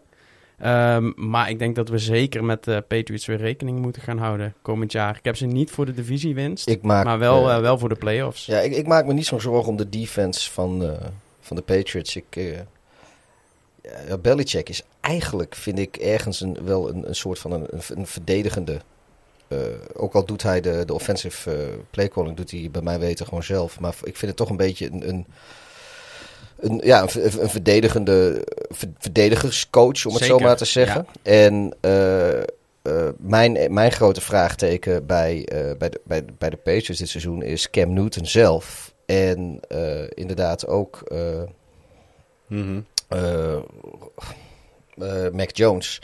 Mocht hij gedurende het seizoen Newton moeten gaan vervangen. Of dat, eh, of, dat, dat, ik maak me juist toch zorgen op, om, om de het meest zorgen om de quarterback-positie bij Ja. de Patriots. En, en En ik, ik ben niet overtuigd dat Newton ooit weer terug gaat komen op het niveau wat, eh, wat we, wat, waar hij Ja. ooit op zat. Zeg maar toch in heeft hij, geen, 2015. hij heeft geen dramatisch seizoen achter de rug. Hè? Hij was als runner bijvoorbeeld, vond ik hem echt wel sterk. Nee, met bijna ik- 600 yards en 12 touchdowns. Ik denk... En, ja, maar daar, daar- weet je, daar win je de divisie niet mee. Daar Nou, win je de ik niet. wedstrijden niet meer mee. Als, Hij was niet minder dan Josh Allen met zijn benen hoor. nee, maar met zijn armen wel. Maar vergeet even niet één ding. Hè? Bij, bij Belichick is het één ding dat hij altijd zegt: het zwakste gedeelte van team gaan wij uitschakelen. Dus als Newton het zwakste gedeelte van het team is, gaat hij meer lopen. Dan gaat hij meer zorgen voor short passes, voor screen passes, voor eh, eh, ja, als het inside routes van eh, tight ends na vijf eh yards, et cetera. Belichick gaat een manier vinden om het meest negatieve gedeelte van zijn spel, of het nou Mac Jones is, of het is Newton, of het is eh, de defense of wat dan ook, dat onschadelijk te maken en alsnog de playoffs te halen. Ja, en daarom, ik verwacht wel veel op offense van Harris, op running back. Eh, ik denk dat hij daar ook een stuk eh, een, een, een belangrijkere rol in kan krijgen. Juist om die, om die running game eh, eh, weer aan de gang te krijgen. Mhm. Ehm, ander dingetje dat ik nog heb opgeschreven is... ka- Kan McDaniels als offensive coordinator zonder Brady? Ja. Hij heeft eh, nog nooit eh, echt een goede, goede offense geleid... eh, zonder dat het Tom Brady was. Ook in Denver niet. Thibaut, als je, als je met Thibaut de playoffs haalt, heb je een goede offense gerund. Ja, er gebeuren ook andere dingen in, in het team eh, met... Over, eh, maar- als we dan toch En stati- wel van de Steelers statistieken gewonnen. erbij pakken, Maar dan moeten we zien wat voor anomaly dat allemaal wel ja, was. nee. Maar Mc- Volgens ja, mij de, ik- de, dat, de, dat de, zijn... de Jets en de Bears en de Steelers eh, allemaal relatief kort naar elkaar die echt hele bizarre dingen doen. eh, eh, eh, waardoor, waardoor de, tuurlijk, je moet die wedstrijden winnen, je moet van Ja. profiteren. Maar daar, daar gingen... Er, er gingen zulke rare dingen, eh weet je, klokken die stilgezet werden. Terwijl als je je kan uitlopen, uit laten lopen voor de nou winst. ja, ze eh, wonnen dat, dat van de soort dingen. Steelers, dus dat, ik vond het prachtig. Nee, nee, maar goed, dat, dat, dat, als we dan toch even de statistieken erbij gaan pakken, dan uh, Is dat een outlier? dat is Maar- echt een enorme Maar als we dan de statistieken erbij gaan pakken. Een van de dingen die. Er zijn heel veel dingen die vorig jaar de Patriots fout gedaan hebben. Waar je 100% weet dat Belichick gewoon de hele offseason naar gekeken heeft. Ze hebben vorig jaar 44% van alle wedstrijden. Van alle plays. Alle running plays. Zijn geweest tegen meer dan 8 in de baks. Oh, ja, ja, nee, ik, ik dacht het eerste wat hij fout had gedaan is dat hij zijn hond had laten draften vorig jaar. Maar Dat, dat, daar, daar begon het mee. ik denk dat dat eh, beter is dan de meeste franchises qua drafting. Maar, maar ik denk dat, dat als je dus eh, zo vaak gaat runnen tegen zo'n grote baks, dat betekent dat je geen vertrouwen hebt in je quarterback. Nou, Nee. Newton was ook niet zo fit als, als hij was. Ik denk dat hij dit jaar fitter is. Ik denk dat, hij, eh, dat je niet elke keer hoeft te gaan eh, lopen tegen, zulke, tegen een 4-3 defense met linebackers die inkomen voor de rush. Dus in die zin hebben ze ook veel meer wapens om, om offense dingen te gaan doen. Zou je kunnen zeggen dat zij van eh, run heavy naar de short eh, pass option moeten eh, om gaan schakelen? Nou, dat hebben ze met Brady gedaan de Ja. drie, drie laatste jaren dat hij daar was. Ja. Brady heeft bijna geen paas gegooid. eh, Ja. En met, meters met, deze twee tight ends kun je die omschakeling precies. natuurlijk gaan En maken. die running backs die ze hebben, Ja. dat past er allemaal in. Dat klopt. Wat als eh, Cam Newton de starting job verliest aan eh, Mac Jones? Kan Mac Jones dan dit seizoens versie van eh, Justin Herbert worden? Nee. Dat is Nee. duidelijk. Ik zie hier allemaal mensen Nee. met hun hoofd schudden. Want eh, wat heeft. ja, ik, ik ben niet zo'n college volger. Maar hebben jullie een beetje een beeld van zijn skillset? En eh, kijk vooral Mike even aan. Ehm, Mac Jones krijgt 9,9% kans om een elite passer te worden. En elite bedoelen ze dan mee top 5 in de league. Een Rodgers, een ehm, Wilson en Mahomes, et cetera. Mhm. Eh, dat klinkt als heel veel, maar dat is eigenlijk minder dan de meeste spelers die in de eerste ronde worden gedraft. Als je denkt aan bijvoorbeeld een Blake Bortles, die krijgt 14% kans om in de eerste ronde, of eh, om een elite passer te worden. Dus hij wordt eerder de nieuwe Mike Lennon. Ik denk dat hij eerder een soort eh, Matt Stafford gaat worden. Die, die, die zeg maar gewoon prima meegaat in de league Mhm. tien jaar lang. Of een Teddy Bridgewater. Die zeg maar gewoon ook weet je, zijn ups en downs bij teams heeft. Maar die gaat nooit het, echt het verschil maken. Tenminste, Ja, dat Maar het is natuurlijk ook, kijk, jij vergelijkt eh, nu even eh, Jones met eh, Herbert. En Jones heeft natuurlijk Alabama.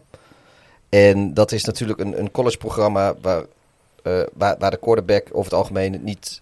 Die, die, laat ik zo zeggen, dat is niet een succesvol programma omdat er van de quarterback elite Precies. passingwerk verwacht Mhm. wordt. En Herbert komt bij Oregon vandaan, bij de, bij de Ducks volgens mij heeft hij gespeeld.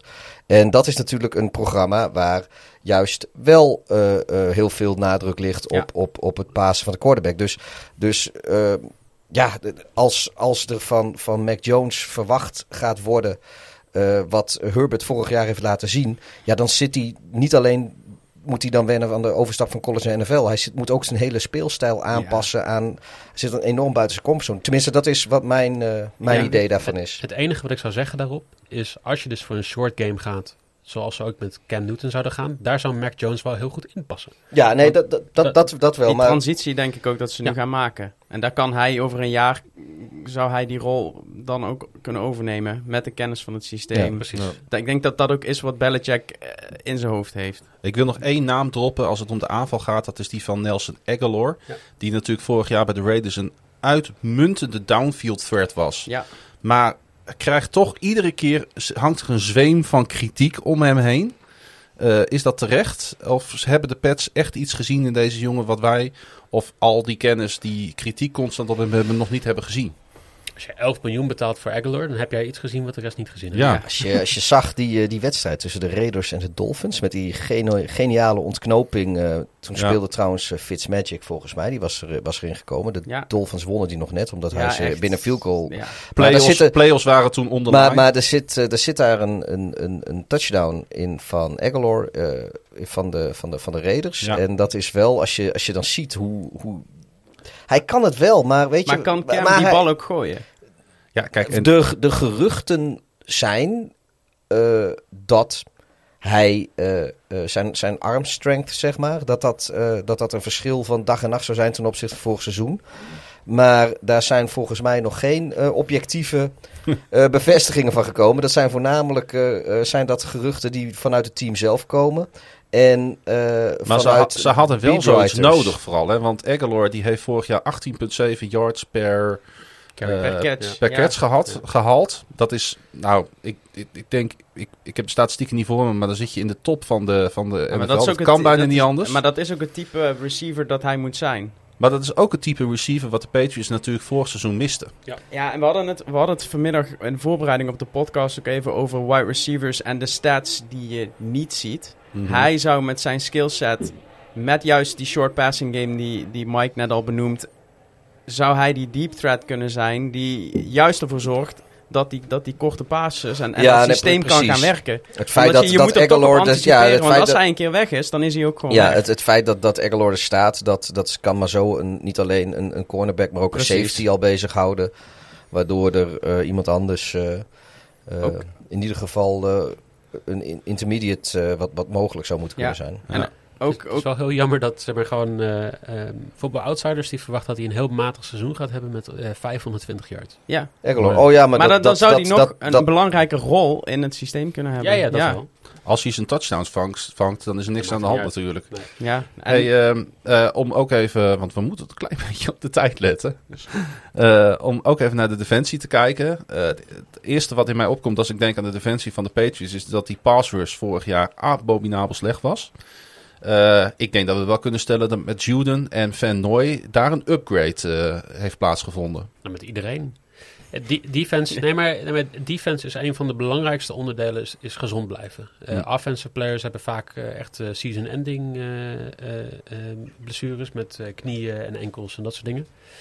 Verdedigend is het gewoon, je krijgt zoveel klappen de hele wedstrijd dat het lastig is. Ja. Ik denk dat het heel positief is dat acht van de jongens gewoon een heel seizoen niet gespeeld hebben. Dat alle pijntjes weg zijn gehaald. Ze hebben de hele, het hele seizoen in de, in de weightroom eh, kunnen zitten. Gewoon aan hun, aan hun lichaam kunnen werken en aan hun kracht kunnen werken.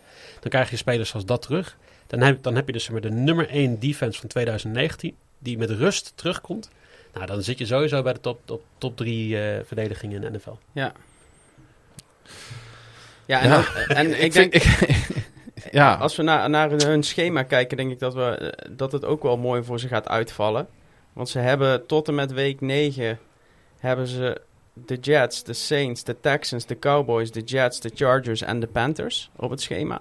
Dus ik, ik denk met, met wat jij zegt, het goede offseason van Belichick, dat zij wel uit de startblokken kunnen, kunnen schieten. En dat zij daardoor, en misschien komen we dan een beetje op het terughalen van de Bills, dat zij met een heel goed winning record in het begin wel de druk eh, bij Buffalo kunnen gaan leggen om de, om de winst in de, in de divisie. Dus daar kan ik jou, eh, jouw punt, Mike, wel, eh, wel volgen, puur door te kijken naar het, eh, naar het schema.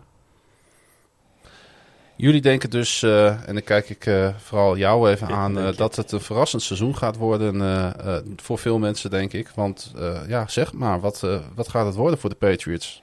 Eh, tien overwinningen, zeven verliespartijen. Bovenaan de AFC East. En dan gaan ze dus weer eens eh, divisiekampioen worden. Ja, ik moet zeggen, ik heb, tijd, hier, ik heb hier echt letterlijk geen geld voor gekregen van eh Lennart of eh Jurgen. Neil of alle andere mensen die zeggen ja. gewoon Patriots fan zijn. Dit is uit eigen... niemand die met een wapen op mijn hoofd hier eh eh met dwinkelde te zeggen. Ja. Als, als dit live was en ze luisterden mee, ik, ik zie zo her en der in, in Amsterdam en, en weet ik veel waar allemaal, zie, zie ik zo her en der wat tafels eh, met de pootjes loskomen van de grond. Ja, ik heb ze ook op 10 eh zegens, maar dan wel op de tweede plek in de, in de divisie.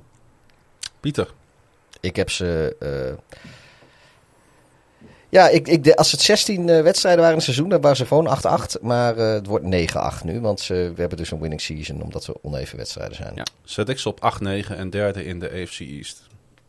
Mooi. Ja, ik ben niet zo. eh, ik moet eh, vooral kijken eh, hoe de, of de, hoe moet ik dat zeggen? Gaat de lijm op de goede plekken gesmeerd worden door de coaches? Als je Ja, snapt wat ik daarmee bedoel. Of de, of de the together, zeg maar. Ik, heb, ik kom niet meer uit mijn woorden. We gaan naar de New York Jets. Ja, ik denk olie smeer, dan draait het soepel. Of lijm, dat dan... Ja. Nou ja, goed. Weet je, ga lekker verder. Wat was het laatste team? Ik ken deze De divisie niet Jets. goed. Oh ja, de Jets zijn dat. Het eh offseason draaide om eh, het verleden afsluiten en een nieuw hoofdstuk schrijven. Twee jaar Adam Gase waren desastreus en het oog viel op Robert Saleh of Salou. We zijn er nog niet helemaal over uit. Jij was daar heel, heel vastberaden over Salou? ooit. Het is Salou. Ja. Alleen ik hoor in de Amerikaanse eh, pers veel Saleh. Ja, nou, we zitten toch nog. eh, het schijnt toch ook dat die Kelsey van de, van de Chiefs, dat, het, dat die Kels heet, heeft hij laatst gezegd. hè? Ja. Hij zegt, ik heet eigenlijk Kels. Terwijl Klopt. hij fucking eh, zijn broertje of zo speelt bij de Eagles en die noemt zichzelf ook gewoon Kelsey. Of familie. Is dat zijn broertje? Die Kelsey van de Eagles? Ik hou het ja. op Robert Salou, die overkomt van San Francisco. Het, op quarterback is alle hoop natuurlijk gevestigd op Zach Wilson. Sam Darnold werd naar Carolina getrade. De factoren die moeten leiden tot succes voor de Jets zijn wat dat betreft niet zo ingewikkeld. Als Wilson het gaat doen en Joe Douglas de pleisters op de juiste plek heeft geplakt, dan kunnen Jets-fans zich gaan opmaken voor competitief American football in de NFL. Vallen de puzzelstukjes niet op hun plek, dan kunnen diezelfde fans zich opmaken voor weer een rebuild. Ja. Ik zal eh, eerlijk zijn, ik kan de Jets niet zo heel goed inschatten. Het kan alle kanten op voor mijn gevoel. Maar het voelt wel als een kruispunt op dit moment. In free agency werden met wide receiver Corey Davis en defensive end Carl Lawson upgrades gehaald. Er werd omhoog getrade voor guard Elijah Vera Tucker. En in de tweede ronde werd wide receiver Elijah Moore gekozen. Safety Marcus May werd gefranchise tagged en linebacker CJ Mosley komt terug van een opt-out. Ik ben niet onder de indruk van het overall roster. Maar het is wel beter dan vorig jaar. De realiteit is dat dit seizoen om groeien gaat. Playoffs zijn nog ver weg. Kan Salou voor een nieuwe en frisse wind zorgen? En laat Wilson genoeg zien voor een hoopvolle toekomst in New York? Voorlopig meer vragen dan antwoorden. Wat is er, eh, Mike? Nee, ja, ik, ik, Wordt groter. Zij, zij, zij je nou wordt groter over de. Jets? Ja, is wordt dat, ik, ik, dus t-shirts groen-wit, van, eh, van, van to- to- Together eh, to Broadway? eh, gaan ze dat dan ook mooie t-shirtjes Ja, to- uitbrengen? Together to the Broadway. Ja. Together to the Broadway, to the big market. Jets en playoffs in één zin, heerlijk. Ja, Ik denk dat er weinig Ja. mensen die dat gezegd hebben. ja. Hoe, eh, hoe kijk je Afgelopen tien jaar. Ja, Maar ik denk niet dat ik iets heel raars heb gezegd door te stellen dat het roster van de Jets er dit jaar beter uitziet dan vorig jaar. nou, de Jets hebben zes maanden geleden het hele seizoen weggegooid. Ja. Door een wedstrijd te winnen. En eh, toch een beetje de, ja... ehm, ehm, ja, dat, de- de- dat was toen in. LA was dat, hè? Vooral opeens, toch? Ja. Was het in LA? LA, dat ze opeens... Ja, en daarna de Browns En ook daarna meteen, de? Browns, Ja. ja. En dan, dan win je dus twee wedstrijden aan het eind van het seizoen. En dan moet je dus draften. En dan denk je dat je eerst op de draftclock staat. En dan, nee, nummer twee. En zo'n Zach Wilson, hartstikke leuk. Weet je, eh, Trevor Lawrence gaat een team in eh, bij de Jaguars wat meer talent heeft dan denk ik deze Jets. Ja. En dan, dan is er maar één ding wat je kan zeggen tegen zo'n jongen na drie weken. En dan zeg je, don't worry Zach, don't worry Zach, the tanking starts soon. Want dat, dit gaat toch niet een seizoen zijn waar je, waar Nee. je druk op zo'n jongen moet leggen dat hij ook maar enigszins één wedstrijd moet gaan winnen? Ja, eh, eh, eh, ja oké. Maar eh, het NFL-team staan er niet onbekend dat ze eh, fanatiek gaan verliezen. Nou, weet je, als je roster zo fucking slecht is. Ik, eh, ik, zei, ik, weet je, ik ga wel een beetje met je mee. Zeggen, als die Jets, als die nou lekker gewoon gaan, eh, gaan, gaan nog even gaan, gaan treden voor een, een of andere gare quarterback. Dan, eh Nick Foles. Dan, eh, en die het hele seizoen laten starten. Dan kunnen ze, kunnen ze Wilson een beetje, een beetje rustig, eh, rustig laten wennen aan alles. En dan hebben ze volgend jaar de eerste draft pick. en Ja, maar we weten allemaal dat Wilson gewoon under center staat in week 1. En dat ze dat gewoon zo gaan doen. Of een shotgun. Dat kan. Ja. Ja. Dan kan je moeten, maar dan nee, moet je ook maar hij zeggen, heeft, hij heeft, wordt een hij heeft geen druk. Ja, nee, natuurlijk. Ook, maar dat komt, er was ook de vraag in het begin van de podcast, welke divisie wordt het spannendst? Volgens mij heb je hier gewoon drie eh, playoff capable teams en de Jets. En eh, als zij slim zijn, en dat waren ze vorig jaar inderdaad niet, ja, dan gaan ze nu denken hoe ze volgend jaar en het jaar daarna eh, het best mogelijke team op het veld kunnen hebben. Ik denk dat met, met Salou en eh LaFleur en eh Albright hebben ze gewoon een, een, een hele goede headcoach OC-DC combination voor de komende jaren. Ik denk dat ze dat goed gedaan hebben. Nieuwe quarterback en, en, en rustig gaan bouwen nu.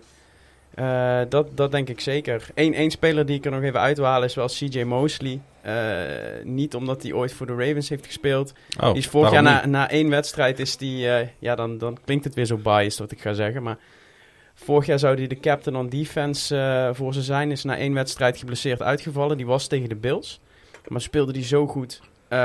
Ik heb die wedstrijd gezien en eh, ik, verwacht wel veel van zijn, eh, van zijn terugkeer na een, eh, na een jaar eh, rust. En dat hij ook echt de man kan zijn die die defense kan, eh, kan gaan leiden Ja. van, eh, van de Jets. Is het niet ook gewoon zaak dat de Jets op zoek gaan naar een soort van signature? Want die hebben ze natuurlijk helemaal niet gehad de afgelopen Jawel. jaren. verliezen. Ja, verliezen ja. Nou, ja, daar zijn ze nu toch mee bezig. Ik bedoel, er zit een hele nieuwe staf. Die, eh, die, Nou ja, die- precies. die geeft die even de kans. ze waren om, natuurlijk om- ze waren niet eens lovable losers. Want hebben- eh, ik hoorde Mike LeFleur daar zeggen eh, over de aanval. Hij zegt, eh, ja, we gaan waarschijnlijk toch een soort van, hoe noem je dat, een wide zone run game spelen met een heavy dose play action. Dat dat een ja, nee, ja. Je hebt een offensive line die allemaal terugkomt, die vorig jaar een van de slechtste in de league was. Ja. Je mag blij zijn dan Zach Wilson zonder blessures die eerste zes denk wedstrijden je dat echt? En dan ga je play Ja. action spelen? ja, dat is, dat, daar wordt wel ja, op want dan kan, hij, dan kan hij lekker rennen voor zijn leven. Juist. Ja. Nee, je gaat, je gaat toch alles vanuit de shotgun eh, starten. En je gaat Ja. hopen dat je de, die jongen enigszins wat, eh, wat speelminuten Ja, geeft. Ja. Dat is niet eh, wat, wat, wat, wat de beelden op dit moment laten zien vanuit het trainingskamp van de Jets. Ja, daar heb je met Mims, Moore en Davis heb je daar wel de wide receivers hadden ze met. LaFleur hadden ze gewoon een andere, dan hadden ze iemand anders moeten nemen dan. Ik denk dat Mackie Becton een van de slechtste left tackles is in de hele NFL. Oeh, dat is nogal een take.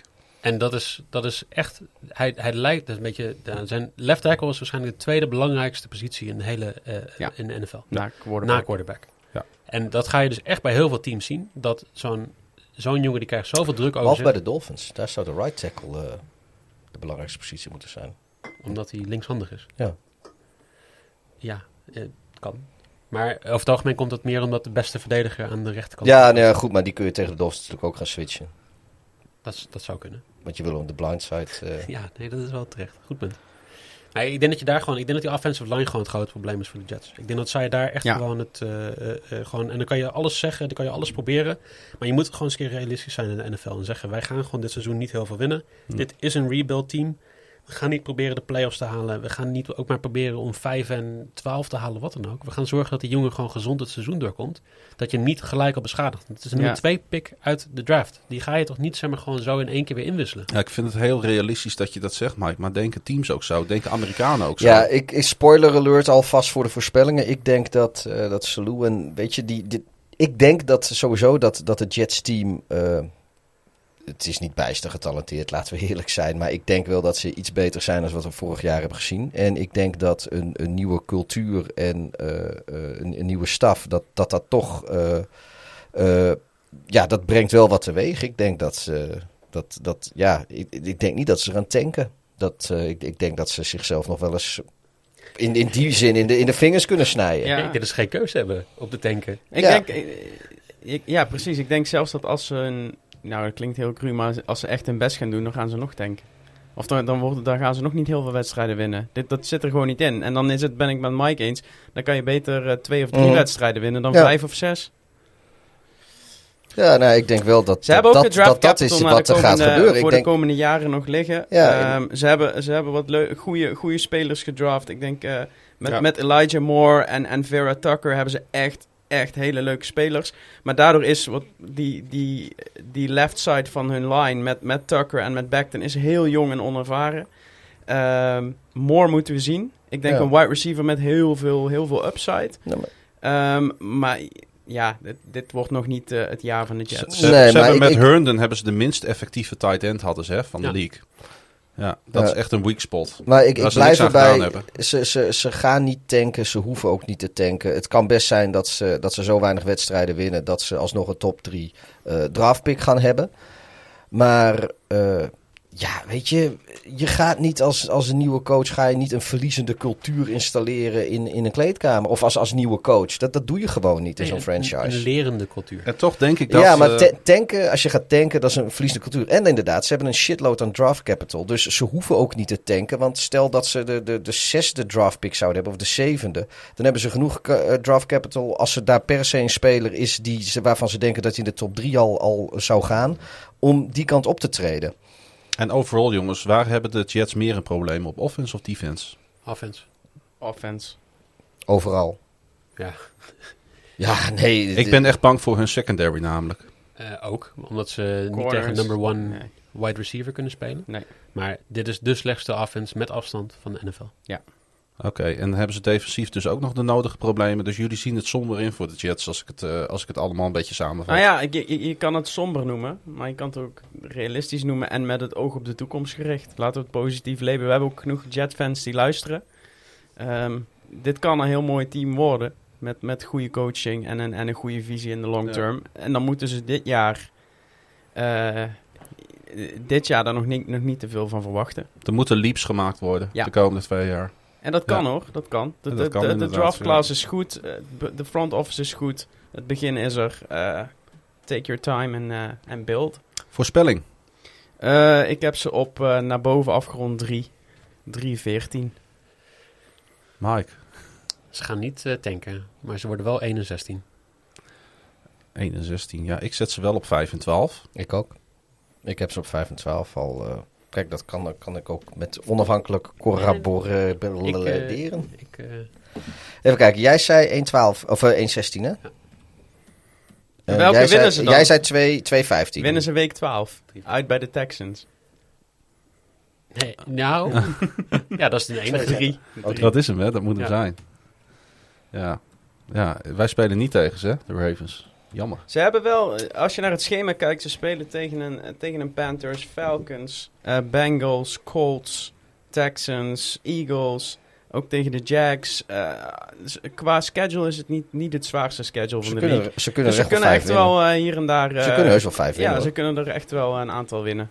Ehm, maar gemakkelijk gaat het niet worden. Nee, maar gemakkelijk is niet. Ik bedoel, het is ook niet zo dat als je, als je voorspelt dat de Bills er 11 gaan winnen dit seizoen, dat is ook niet makkelijk. Klopt. En hebben jullie allemaal nog meer voorspeld. Ja, nou, hey, als jij een biertje voor mij pakt, eh, Frank, dan, Dan ga moet, ik... moet ik eh, wel even niks zeggen. Dan ga ik eh, eh, de Kansas City Chiefs inleiden. Want we gaan overschakelen naar de AFCO West. En het mag duidelijk zijn waar de focus van coach Andy Reid en general manager Brett Veach lag tijdens het offseason. Na een Super Bowl nederlaag waarin quarterback Patrick Mahomes drie sacks en 10 quarterback hits te verduren kreeg, koos de franchise voor een remake van hun offensive line. Ze traden voor left tackle Orlando Brown Jr., Baltimore, en signeden guard Joe. Was het nou Tooney? Volgens mij wel, hè jongens. Tooney, Tooney, de left guard van de New England Patriots. Met hun tweede ronde draftkeuze gingen ze voor center Creed Humphrey. Guard Laurent Duvernay Tardif, right guard, en tackle Lucas Nyang, de right tackle, zijn terug van weg geweest na hun opt-outs.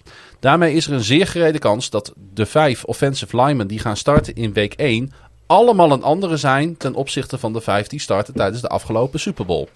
De Chiefs vangen het seizoen 2021 aan met dezelfde coördinators, Eric Bieniemy en Steve Spagnuolo. Ondanks alle wijzigingen op het roster. De grote vraag is natuurlijk of de off-season moves zich gaan uitbetalen. En met uitbetalen bedoelen we natuurlijk of Reed en Mahomes februari 2022 weer een nieuwe Lombardi Trophy in hun prijzenkast kunnen plaatsen. hey, even, even om met de deur in huis te vallen. Wie had er verwacht dat we, dat we, nou het is nu augustus, en dat die Eric Bieniemy nog steeds eh, bij de Chiefs zou zitten? Ja, we hebben het er regelmatig over gehad, hè? Want die is eh, volgens mij zo'n beetje bij de, alle 31 de andere teams, eh, nou iets wat gechargeerd, is die, eh, is die in beeld geweest om, eh, om hoofdcoach te worden. Maar eh volgens, vooralsnog... eh, De offensive coordinator van de Chiefs. Ja. En nou ja, heb ik zeg 31 teams is het overdreven. Maar ik denk dat hij eh, zeker eh, de afgelopen jaren bij 10, 12 teams eh, wel genoemd is. Ja. En dan is meteen de vraag: is, eh, was hij dan niet zo'n goede kandidaat? Dat, ja, maar hij kan een hele goede OC zijn, hè? maar zou hij dan als, als, als, als, als headcoach zo te zijn tegengevallen? Of is het gewoon toeval? Of, want ik vind het nog raar dat hij er nog steeds zit, namelijk. Maar waarom zou je weggaan? Waarom zou hij dan. Hij heeft al die interviews wel geaccepteerd, hè? Ja, Hij heeft, dat eh, doe je toch ook zeg maar, om je lange termijn toekomst aan te gaan denken. Als, als Kansas City nu nog een contender is, waarom zou je weggaan als assistent? Ja, is ook weer zo. Zeker in een tijd van COVID is het nog maar de vraag hoe lang Andy dan nog coach is. nee, nee, maar eh, Ook buiten COVID is altijd de vraag hoe gezond Andy Reid is. Ja, Ja, dat is ook ik denk zo. dat hij vooral moet ophouden om een tanga-slip voor zijn neus te hangen. nee, dat was, eh, dat was die, eh, die van, dat was eh, Gruden. Gruden, ook, maar... dat. eh, oh ja, Nou, hij, hij nee, had toch dat, ook... eh, dat hele masker had hij, weet je wel, dat hele schild. Hij stond nog net niet met zo'n met zo'n riot shield voor zijn neus aan de zijlijn. Hij had zo'n... Is het altijd nog beter dan Bruce Arians, die zo'n zo'n zo'n nek... oh ja, ja, die had hem van onderaf zo, hè? Ja. ja. Maar jongens, de storyline is natuurlijk de offensive line. Ik denk dat we het daarover eens kunnen zijn. 100%. Ja. 12 spelers hebben één of meer wedstrijden gespeeld vorig seizoen. Dan verlies je een paar offense linemen waar je zegt van nou dat zijn ehm, in ieder geval pro bowlers, laat staan all pros. Mhm. En dan denk je die offensive line is sterker geworden. Omdat ze eigenlijk de blessure, blessuregevoelige offensive linemen hebben laten gaan. Ja. En de talentvolle, sterke offensive linemen hebben eh, gehouden. Waarbij je dus Patrick Mahomes straks gewoon acht seconden gaat geven elke play om of te gaan lopen of om de bal te gaan pasen. Ja, ik, ik vind het echt. eh, eh, de, nou ja, het was de enige probleem inderdaad wat de Chiefs hadden, bleek, eh, bleek na afloop van de Super Bowl. Ja, hun hun. O-line was, was nou, knaken. En ze hebben dat zo agressief opgelost eigenlijk. Ik, ik heb niet vaak gezien dat een team in off-season zo, zo als een bezetene met een zwak punt aan de gang ging. Ik bedoel, het is niet dat ze even een, een, een, off- een O-line spelertje hebben gedraft en nog eens even eentje in free agency hebben geprobeerd op te pikken of wat dan ook. Nee, ze zijn echt als, als, als, als een malle zijn ze bezig geweest. En Ja, en ik denk ook dat ze meer diepte hebben dan vorig jaar. Ja. Zeker weten. ja, ondertussen hebben ze volgens mij eh, de helft van het roster is O-line tegenwoordig. Nou, Ja. als- als je kijkt naar de leeftijd, hè, Fisher was 30, Swartz was 32, As Asamele was 32, Kilgore was 34. Dus je hebt iedereen boven de 30 van je offensive line heb je weggestuurd. Ja. En dat is zo slim, want er zijn weinig offensive linemen. Je ziet met Pouncey en Pouncey die allebei gewoon eh, met eh, pensioen zijn gegaan. Je redt het in de NFL gewoon niet na 30 jaar op, op offensive linemen. Dus Ze zijn een beetje de anti-Bengals. Ja, ze die, er eh, wel die hadden enorme O-line problemen en die hebben er eigenlijk geen reet Ja. aan gedaan. ja, dat klopt. Ze hebben er wel heel veel geld aan moeten uitgeven. Dat is prima. Want Mahomes eh, heb je en je hebt die O-line. En dan volgens mij kan jij, net zoals wat, wat eh Belichick in, in die tijd met de Patriots deed. Je kan undrafted free agents neerzetten als wide receivers en running backs. Want als je acht seconden Ja. hebt, komt er altijd wel iemand vrij. Ja, Ja, want er wordt heel veel geschreven dat, dat wide receiver het probleem is qua, qua diepte. Maar eh, helemaal eens, als jij een goede O-line hebt, dan maakt het, eh, maakt het eigenlijk niet uit wie wide receiver Ja. is. Dat, dat, dat, bewijst Aaron Rodgers al jaren. Het is dat we van de line of scrimmage moeten vertrekken, anders had ik het ook nog wel kunnen doen. Weet je, als ik 30 yards voorbij de line of scrimmage in het veld mag stappen, dan, dan lukt het me nog wel. Maar eh, niet, niet als ik er eens naartoe moet rennen. En toch, als we naar die, naar die positie gaan kijken van wide receiver, dan moeten we ook concluderen, denk ik, dat de bezetting niet spectaculair is. Ja, maar dat hoeft niet. Nee, maar dat hoeft niet. Hoeft niet. Dat, dat, was het, dat is het hele punt, denk ik. Ja. En enige waar ik wel benieuwd naar ben, ook als eh, Orlando Brown heeft maar 13 wedstrijden als left tackle gespeeld in Baltimore.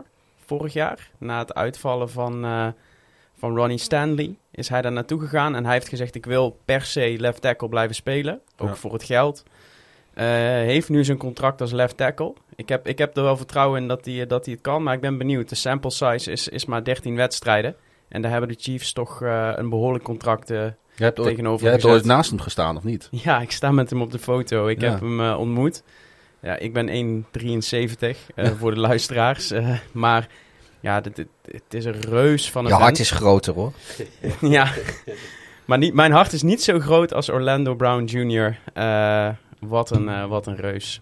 Ik denk trouwens wel dat het voor, voor zo'n speler is het, weet je, die, die, die, die moet er nog steeds een beetje ingroeien, dat, dat left tackle natuurlijk.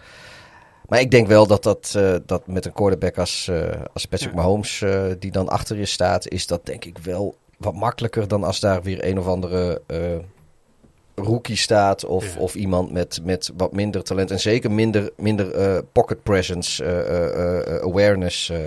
Ja. Want het, het is niet zo dat, kijk, mocht je een keer wat je, je, je assignment missen of je, je, je, je, je blok missen. De halve tijd is dat nog niet, is, resulteert dat alsnog niet in een sack. Want Mahomes zelf is zo goed, zolang Mm. de rest van de O-line ook maar een beetje. Wat, dus je, je, je krijgt nu ruimte om, om fouten te maken. En ik denk dat dat wel goed is voor zo'n jongen om, eh, om te leren. Het is niet dat je Philip Rivers of eh, Matt Stafford aan het verdedigen bent. Nee.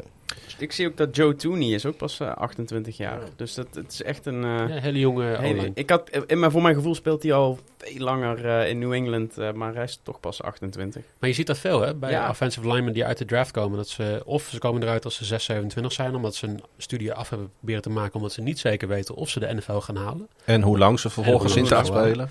Of ze zijn echt jongens die na twee jaar zeggen, ik ben 21, mijn lichaam is nu gezond, ik wil 6, 7 jaar in de NFL hebben.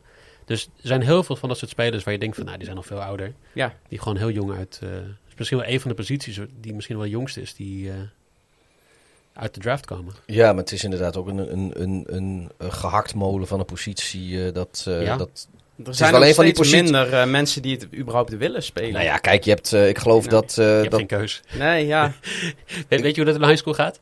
In de high school wordt gewoon gezegd, oké, jij bent heel groot. We gaan even kijken hoe snel jij van de lijn afkomt. En als het gewoon heel langzaam is, word je offensive lineman. Ja. Als het heel snel is, word je Een defensive, defensive lineman, ja. Ja, maar ik geloof dat tussen de 70 en 75 procent van de, van, de, van de spelers in de NFL... die, eh, die komt niet voorbij hun rookiecontract. En eh, eh, O-line spelers is een... gewoon een gemiddelde NFL-carrière duurt een seizoenetje of drie. Dus Ja. dat is nog korter eigenlijk haast zo'n beetje dan, dan, dan een rookiecontract. Hoewel later in de draft zijn de contracten wat korter, geloof ik. Maar eh, ja, O-line is wel een positie die dat gemiddelde bepaald niet omhoog brengt eh, natuurlijk. Als we kijken naar de running back, Clyde Edwards-Helaire, is hij dan zo'n typische tweedejaars speler die ongelooflijk veel baat kan hebben bij een volledig preseason? Ik Ja, denk dat, hij denk meer baat heeft bij, bij bij, de- bij een nieuwe O-line. Ja, Ja, dat, de, de hele verhaal van de Chiefs offense is die O-line. Dat kunnen we heel lang over Nou ja, want die, praten, die eh, running game was eh, op zijn best gemiddeld natuurlijk vorig Ja. jaar. Ja, maar dat kwam denk ik ook weer door die, eh, door die O-line. En hoeveel carries hebben ze gehad? Bijna niks. En hij is ook geblesseerd geweest eh, een tijd. Maar je hebt, je hebt Mahomes die vorig jaar wat, 4600 yards gooit. Ja. Had je daar ook nog 3000 pass, of, running yards bij moeten stoppen? Nee, ik snap. ja, dit is een terechte opmerking. Ik ben, ik ben enkel de aangever, hè? Nee, dat weet ik. Nee, maar het is, het is zo leuk dat mensen zeg maar, gewoon altijd... Meer Ik ben is blij nooit dat je vol, het hè? zegt. Meer is nooit vol. zin. Ja. En, en eh, het gaat ten koste van iets. En als jij... Kijk, we hebben, we hebben een hele duidelijke statistiek wat altijd zegt als je eh, derde en eh der, third down hebt en, en twee te gaan, dat je moet eh, lopen. Want dat is statistisch gewoon de beste optie. Ja. Behalve als je Patrick Mahomes of Lamar Jackson heet. Moeten teams meer gaan blitzen tegen Mahomes? Niemand moet Nee. meer blitsen in de NFL. Blitzen is het domste wat je kan doen. Eh, en dat zien we al jaren bij Mahomes. Dat hebben we zelfs tegen Brady gezien. Waar mensen zeiden, ah, Brady is oud aan het worden. Je moet gewoon heel veel eh, moet je gaan, eh, ehm, gaan, gaan blitsen en dan komt het wel goed. Maar, maar NFL-teams weten onderhand hoe ze het spel daar aan moeten passen. Met short passes, alles. En die schemes van, van Reed zitten perfect in elkaar wat dat betreft, hè? Tuurlijk. En die had hij zeg maar, eh, geprobeerd op te bouwen in Philly. En die heeft hij echt geperfectioneerd in Kansas City. En de, Ja. de, de definitie van een blitz is dat je met meer dan vijf of meer dan vier spelers eh, van de line richting de quarterback Ja. gaat. En dan heb je natuurlijk nog de safety blitz. Dan heb je natuurlijk nog de blitz van, Cornerback. eh, op de, Juist. van de e- on, on the edge. Ja. Ja, dat is een beetje, een beetje welke speler, eh, welke positie je, Precies, je, je ja. in, in overload brengt. Maar Maar eh, waarom blitsen bijvoorbeeld bij Mahomes niet helpt, ik denk dat ik daar wel steeds... Zal ik eens een keer statistiek tegenover zetten? Misschien ook wel verfrissen bij deze Leuk. podcast.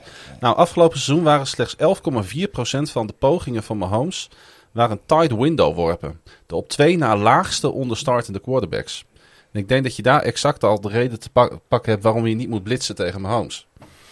Dan hoeft hij helemaal geen tuck window worpen meer te doen. Nee, Nee.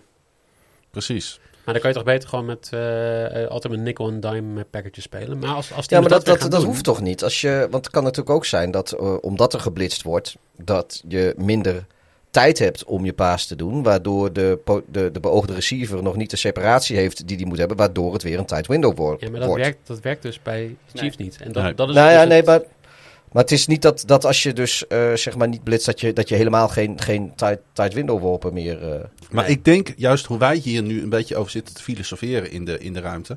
Zo zitten natuurlijk de tegenstanders van de Chiefs er ook over te praten. Maar zo zit Reed er ook over te praten. Ja. Kijk, het grappige is, en dat, dat is wat coaches als een Andy Reid, als een Bill Belichick zoveel beter maakt dan alle, zeker nieuwe coaches in de NFL.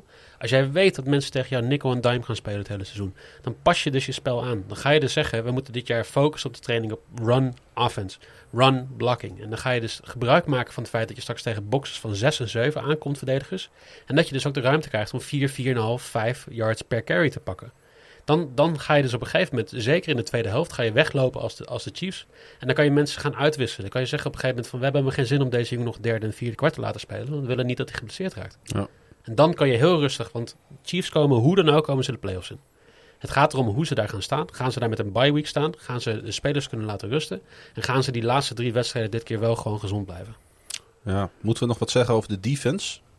Of ehm, is, kan, is het allemaal om de offense? nee, hoe kan een team met Tyron Matthew zo slecht zijn eh, qua secondary? Ehm, ja.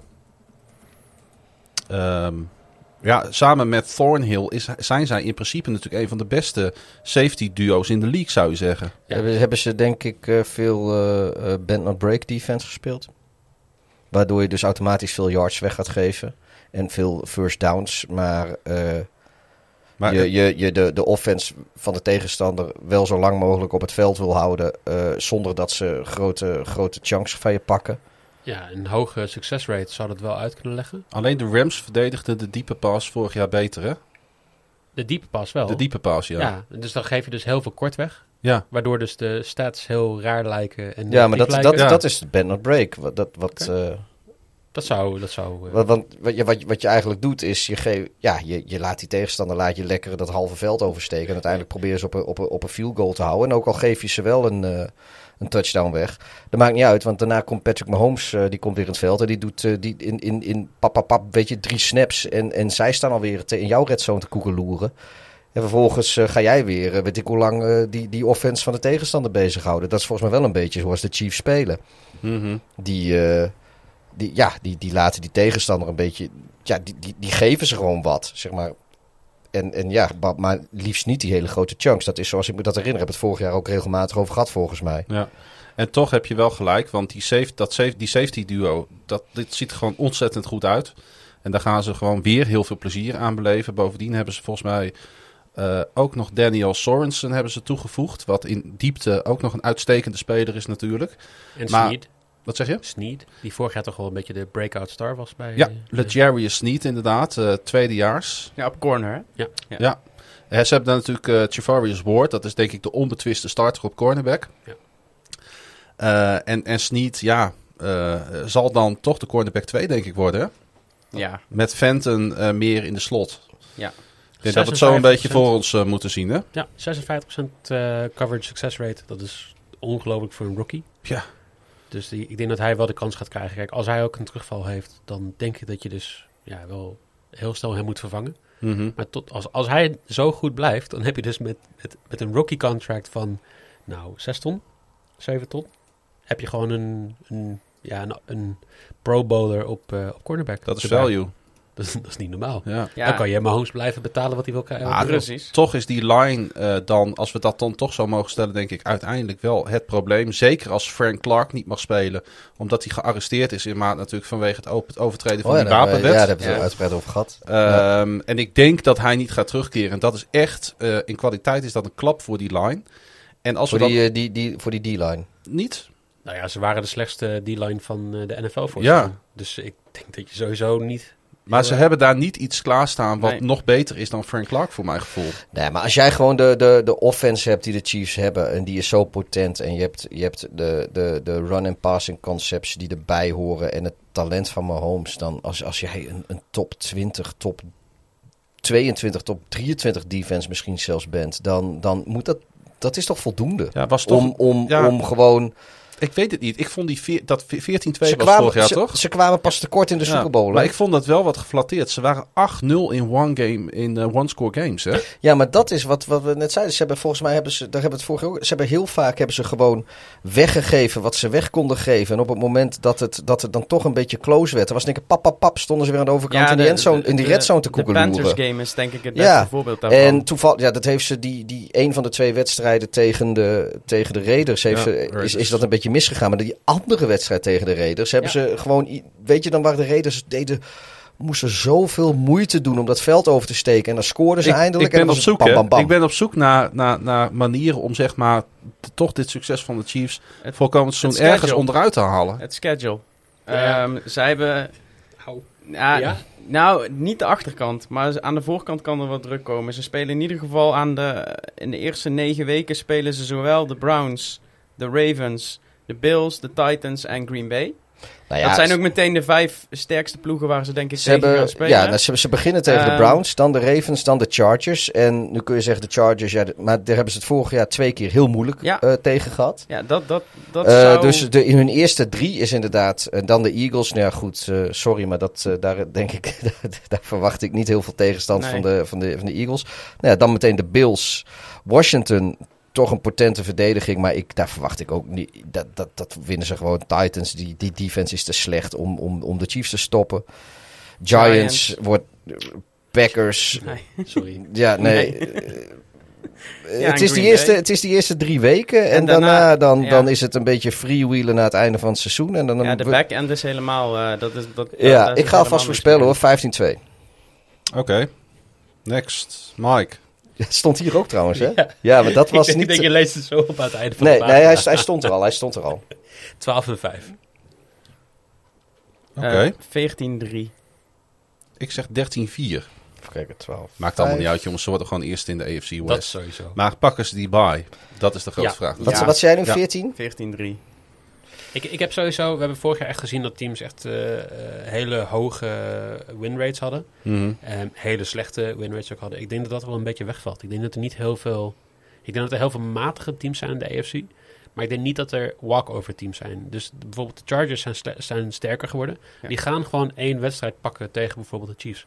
De, ehm, ehm, de, de Bengals gaan gewoon wedstrijden wegpakken bij bijvoorbeeld de, Ravens en bij, eh, bij de Steelers. Dus weet je, dit, dit gaat niet. Je hoeft geen 14 wedstrijden te winnen om die bij te pakken. Dit seizoen. Nee, dat klopt. Ik, ik denk alleen wel eh, om, nou ja, om mijn 15-2, die ik dus nog wel niet daar vandaan had. Ik, ik had hem al.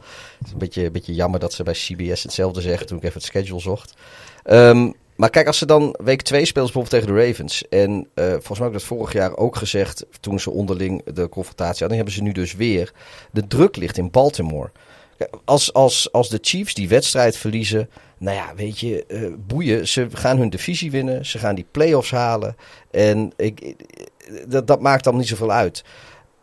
En Baltimore, die is er enorm op gebrand om eh, eh, die verdomde Chiefs eens een keer te verslaan. Ja, want dat Dus is- die, dus en, en dat heb ik, ja, vorig jaar heb ik dat toen ook gezegd toen we, toen we die wedstrijd in het reguliere seizoen gingen voorspellen. En dat, dat durf ik nu haast al wel weer te zeggen. De druk ligt in Baltimore. En omdat de Chiefs die wedstrijd relatief onbevangen ingaan. Het is niet dat ze, dat ze daar natuurlijk eh, met de pet na gaan gooien. Maar ik, dat, dat is zo in het voordeel van de Chiefs. Er is Die- wel die- dit keer publiek bij.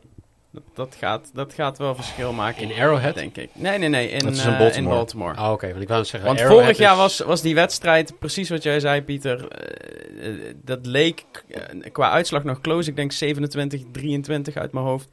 Maar dat was het niet. Nee, maar En dat ik- is wat dat de Chiefs natuurlijk vorig jaar heel vaak. Die hadden inderdaad iets van acht one-score games. En eh, die waren op, op, op scorebord waren, Ja. waren die close. Maar wat ik zeg, op, te- ja, de- tegen, de, tegen de, de Raiders, die, dat was toen ook, die ze wonnen, was ook een one-score game. Maar dat was eigenlijk, leek het wel ze met de Raiders speelden. Alleen, ik, van de, van de Chargers Ja, hebben ze, dat, dat ik zo zat van, nou, dat had ook zo de andere Nou, de, kant op Ra- kunnen de gaan. Ravens hebben op primetime in eigen huis eh, by far het, het beste record in de, in de NFL. Dus dat, dat wil ik dan dan even tegen inbrengen. Eh. Als, als tegenargument. En Nou, ik ho- hoop gewoon dat ze die winnen trouwens. Jij begon Ja. er al over, de Raiders. Vraag is, waar gaat het toch steeds mis? Zijn het de spelers? Zijn het de coaches? Zijn het de kantoren? Het is lastig de vinger op de zere plek te leggen, maar we kunnen denk ik wel stellen dat John Gruden niet per se het probleem is.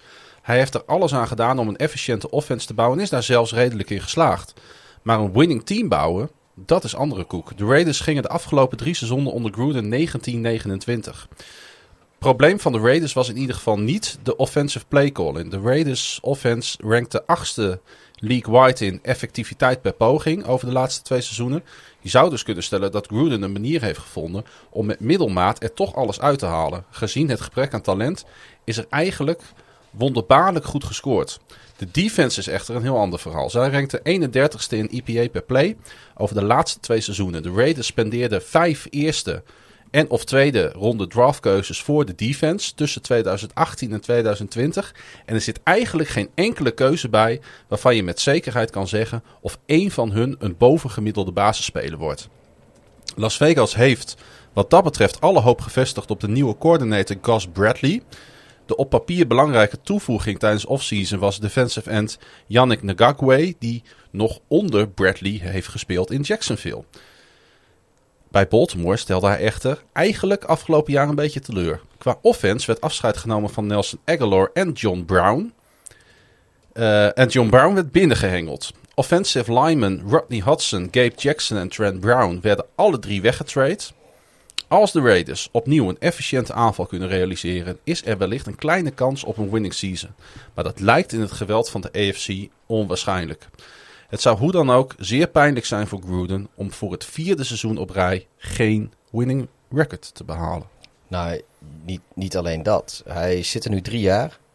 Hij heeft, eh, eh, wat je net zei, 1929 records. Eh, welke andere coach in, in, de, in de league krijgt een soort van carte, carte blanche om, om, om, om een team te bouwen? En na drie seizoenen zonder winning season, zonder überhaupt maar in de buurt van de playoffs te komen. En zijn positie staat nog steeds niet ter discussie. Ik zeg niet dat dat Doug Marone, Chip Kelly. Ja, ik vind het raar. Ik weet niet of dit, eh, dit goed is voor de, voor de toekomst van... eh, Maar ik denk ook eh, dat we kunnen stellen dat eh, Gruden niet per se het probleem is. Gruden is vanaf dag 1 het probleem. Vind je dat echt? Gruden is degene die, die de laatste drie jaar in principe de, de end-all en be-all is daar eh, qua, qua technisch beleid in, in, in nou, nu Las Vegas. Ja, en Mike, Mike eh Mayock. Ja, nou ja, goed, weet je, maar dat is twee handen, Dat één klopt. buik. Eh, Kijk, aanvallend hebben ze inderdaad, wat jij zegt, nog enigszins wat positiefs gedaan. En dat komt deels door Carr, die al hun... Die zat er al toen ze kwamen. Het is niet dat zij, zij die daar neergezet hebben. Ook draft picks hebben ze eh, en op Ja, Josh Jacobs. aanvallende manieren heel goed gedaan. Maar je hebt gewoon geen wide receiver 1. Die heb je ook in de draft gewoon niet gehaald. Dus je, je hebt gewoon een halve offense met een car die af en toe boven zichzelf uitstijgt. En soms weer de middelmatige quarterback is die die is. Ehm, verdedigend hebben ze het heel slecht gedaan. Ze hebben op een gegeven moment eh Khalil Mack hebben ze eh, weggestuurd. Ze hebben Amari Cooper weggestuurd. en die draft picks die zijn gewoon niks geworden. Nee. Dus Wat, wat Josh, je, Josh Jacobs is volgens mij een van de, van de Khalil Mack draft picks Ja, geworden. Ja, maar dat dat zat op offense weer. Op Ja, nee maar, goed, nee, maar goed, nee, maar goed, dat is volgens mij, eh, eh, dat, dat, dat is wat, wat zij nu nog eh, kunnen zeggen van, nou, dit hebben wij over. Ze hebben vijf... En, en, vijf- en die cap space waar ze uiteindelijk ook niks serieus In de mee gedaan afgelopen hebben. drie drafts hebben ze vijf draft picks eerste en tweede ronde uitgegeven aan verdediging.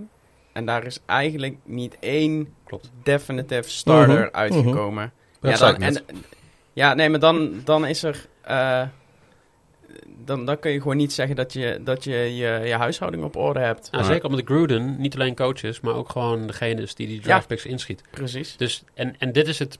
Dit is absoluut waar iedereen voor gewaarschuwd heeft. Van, van Around the Horn tot aan PTI, tot alle shows hebben gezegd. Je kan NFL NFL op woensdag. In koor. Je kan niet een televisieduo als Gruden en Mike Mayock, hoe goed ze in het verleden ook zijn, je kan je niet terugsturen in de huidige NFL. De huidige NFL is compleet anders dan 15 tot 20 jaar geleden toen Gruden daar een powerhouse was. Hm. Het enige wat zij voor elkaar hebben gekregen is om ze naar een andere stad te sturen. En om ze echt zonder ook maar enige... eh, Wat gingen ze dan ook weer maken? Ze gingen daar een, een nieuwe eh, soort van eh, motivatie neerzetten die de NFL nog niet gezien had. Ik Ja. weet niet waar, op welke basis, maar... Knock on wood if you're with me. Mark Posma die zei op Twitter: eh, Gaan de Raiders wortels schieten in de woestijn van Nevada of gaan ze deze move betreuren? Het is verdomme, net een advocaat, jongen. Dat woordenspel eh, in, de, in die vraagstelling van hem. Nou, ze zitten al een jaar in die woestijn en volgens mij... eh, is toch hartstikke leuk. Lekker uitje. het- Als je ja, toch in Vegas bent, pak je ook nog eens een keer een wedstrijdje mee op zondag. Ja, het, is alleen heb, niet, het is alleen niet maar- te betalen. Ah, wel- nee, ja, maar ik heb, ik heb trouwens een knoop doorgehakt. Ik ga niet naar Las Vegas, maar dat, dat heeft vooral mee te maken met, met de slecht, slechte eh, vooruitzichten wat betreft eh, reizen. rei- het reizen. In, want het is redelijk vroeg in oktober. Ja.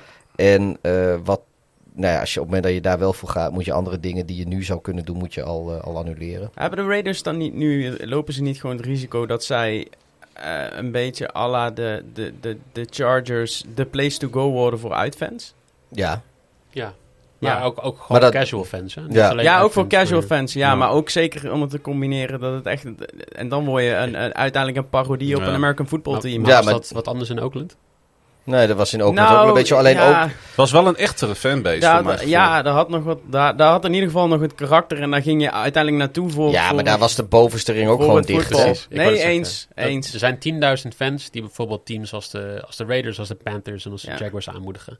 En dat is echt wel een fanatieke fanbase. Ja. En dat moet je ook zijn, anders dan Ja. heb je helemaal geen zin om in de NFL nog te spelen. De- eigenlijk is dat een soort fanbase wat alleen maar bestaat om een team in een stad te houden. Ja. En dat klinkt heel raar, maar dat was in St. Louis was dat zo. Dat zijn eigenlijk de fans die al bang zijn dat zo'n club weggaat. Nou, Als Jaguar-fan ken ik dat.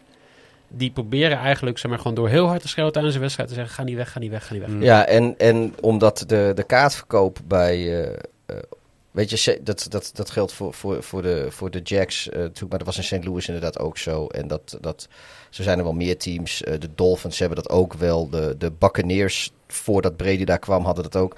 Dat, dat zijn van die teams, als je daar dan als, zeg maar de grotere teams, de, de, de Cowboys, de Steelers, eh, de Bears, de Packers, eh, als, als dat soort, weet je, waar, waar veel, Groot veel, fanbase. waar ja. veel fans achterna reizen, die, die vullen altijd weer die stadions daar. Ja. En eh, dat levert ook wel weer genoeg geld op. Om, om eh, weet je, dat, dan is het toch weer interessant om, om die dingen daar te houden. Want je, ja, je kan beter inderdaad in Jacksonville zitten en eh, bij, toch bijna eh, zeg maar steeds voor, voor 80 en 90 procent bezetting spelen, bij wijze van spreken. Terwijl eh, de helft van die bezetting voor de tegenstander is. Ja. Dan dat je. eh, dan dat. Ja, nou goed. En dat is inderdaad wel de, de achterliggende gedachte, denk ik, in de beslissing ook van de, van de, van de Raiders om naar Las Vegas te gaan, los van, van eventuele gokkerij. Nou, Is eh, Las Vegas is voor de bezoekende fanbase enorm interessant om heen te gaan. Een Ja, weekend nee, feesten en, en, eh, en jouw team zien in, in, in Las Vegas. Dat is zo eindeloos veel interessanter dan daar in Oakland. Maar eh. wordt het dan nog, hij heeft tien jaar contract volgens mij, wordt het dan nu dus nog zeven jaar de bezoekende ploegen eh zo, zo, zolang de Raiders geld verdienen, en dat doen ze, niet aan merchandise. En ze zijn goed genoeg om hun eigen fans een beetje te houden. Eh, eh, maar niet goed genoeg dat het serieus geld kost. Want nou ja, ook die, die Mac-trade die jij zei, de- een van de redenen dat ze dat deden was gewoon... eh Mac wilde de best betaalde verdediger in de league worden. En dat hoef je niet allemaal in één keer te betalen. Maar je moet dat geld wel in escrow zetten als eigenaar. Omdat dat gegarandeerd geld is voor een verdediger. Wat hij in een, in een aantal jaar moet krijgen. En dat, dat, dat konden ze niet betalen. Maar een van de belangrijke dingen, en de- en we vergeten waarom ze uit Oakland weg zijn gegaan. Eén is het feit dat het Oakland Coliseum echt op was. Ja. Ja, Dus die moest vervangen worden. Nou, daar houdt wil ook je, van moet je kauwgom bij elkaar zo'n beetje. dat. En dan moet je als eigenaar dus 1,3, 1,4 miljard uitgeven. Nou, daar, had, daar hadden ze gewoon. De, is nog steeds van de Davis-familie, toch? Zeker. Ja, hadden ze geen zin in om dat te betalen. Nou, wat je in Las Vegas hebt, konden ze dat. ook niet, denk ik. Konden ze ook niet.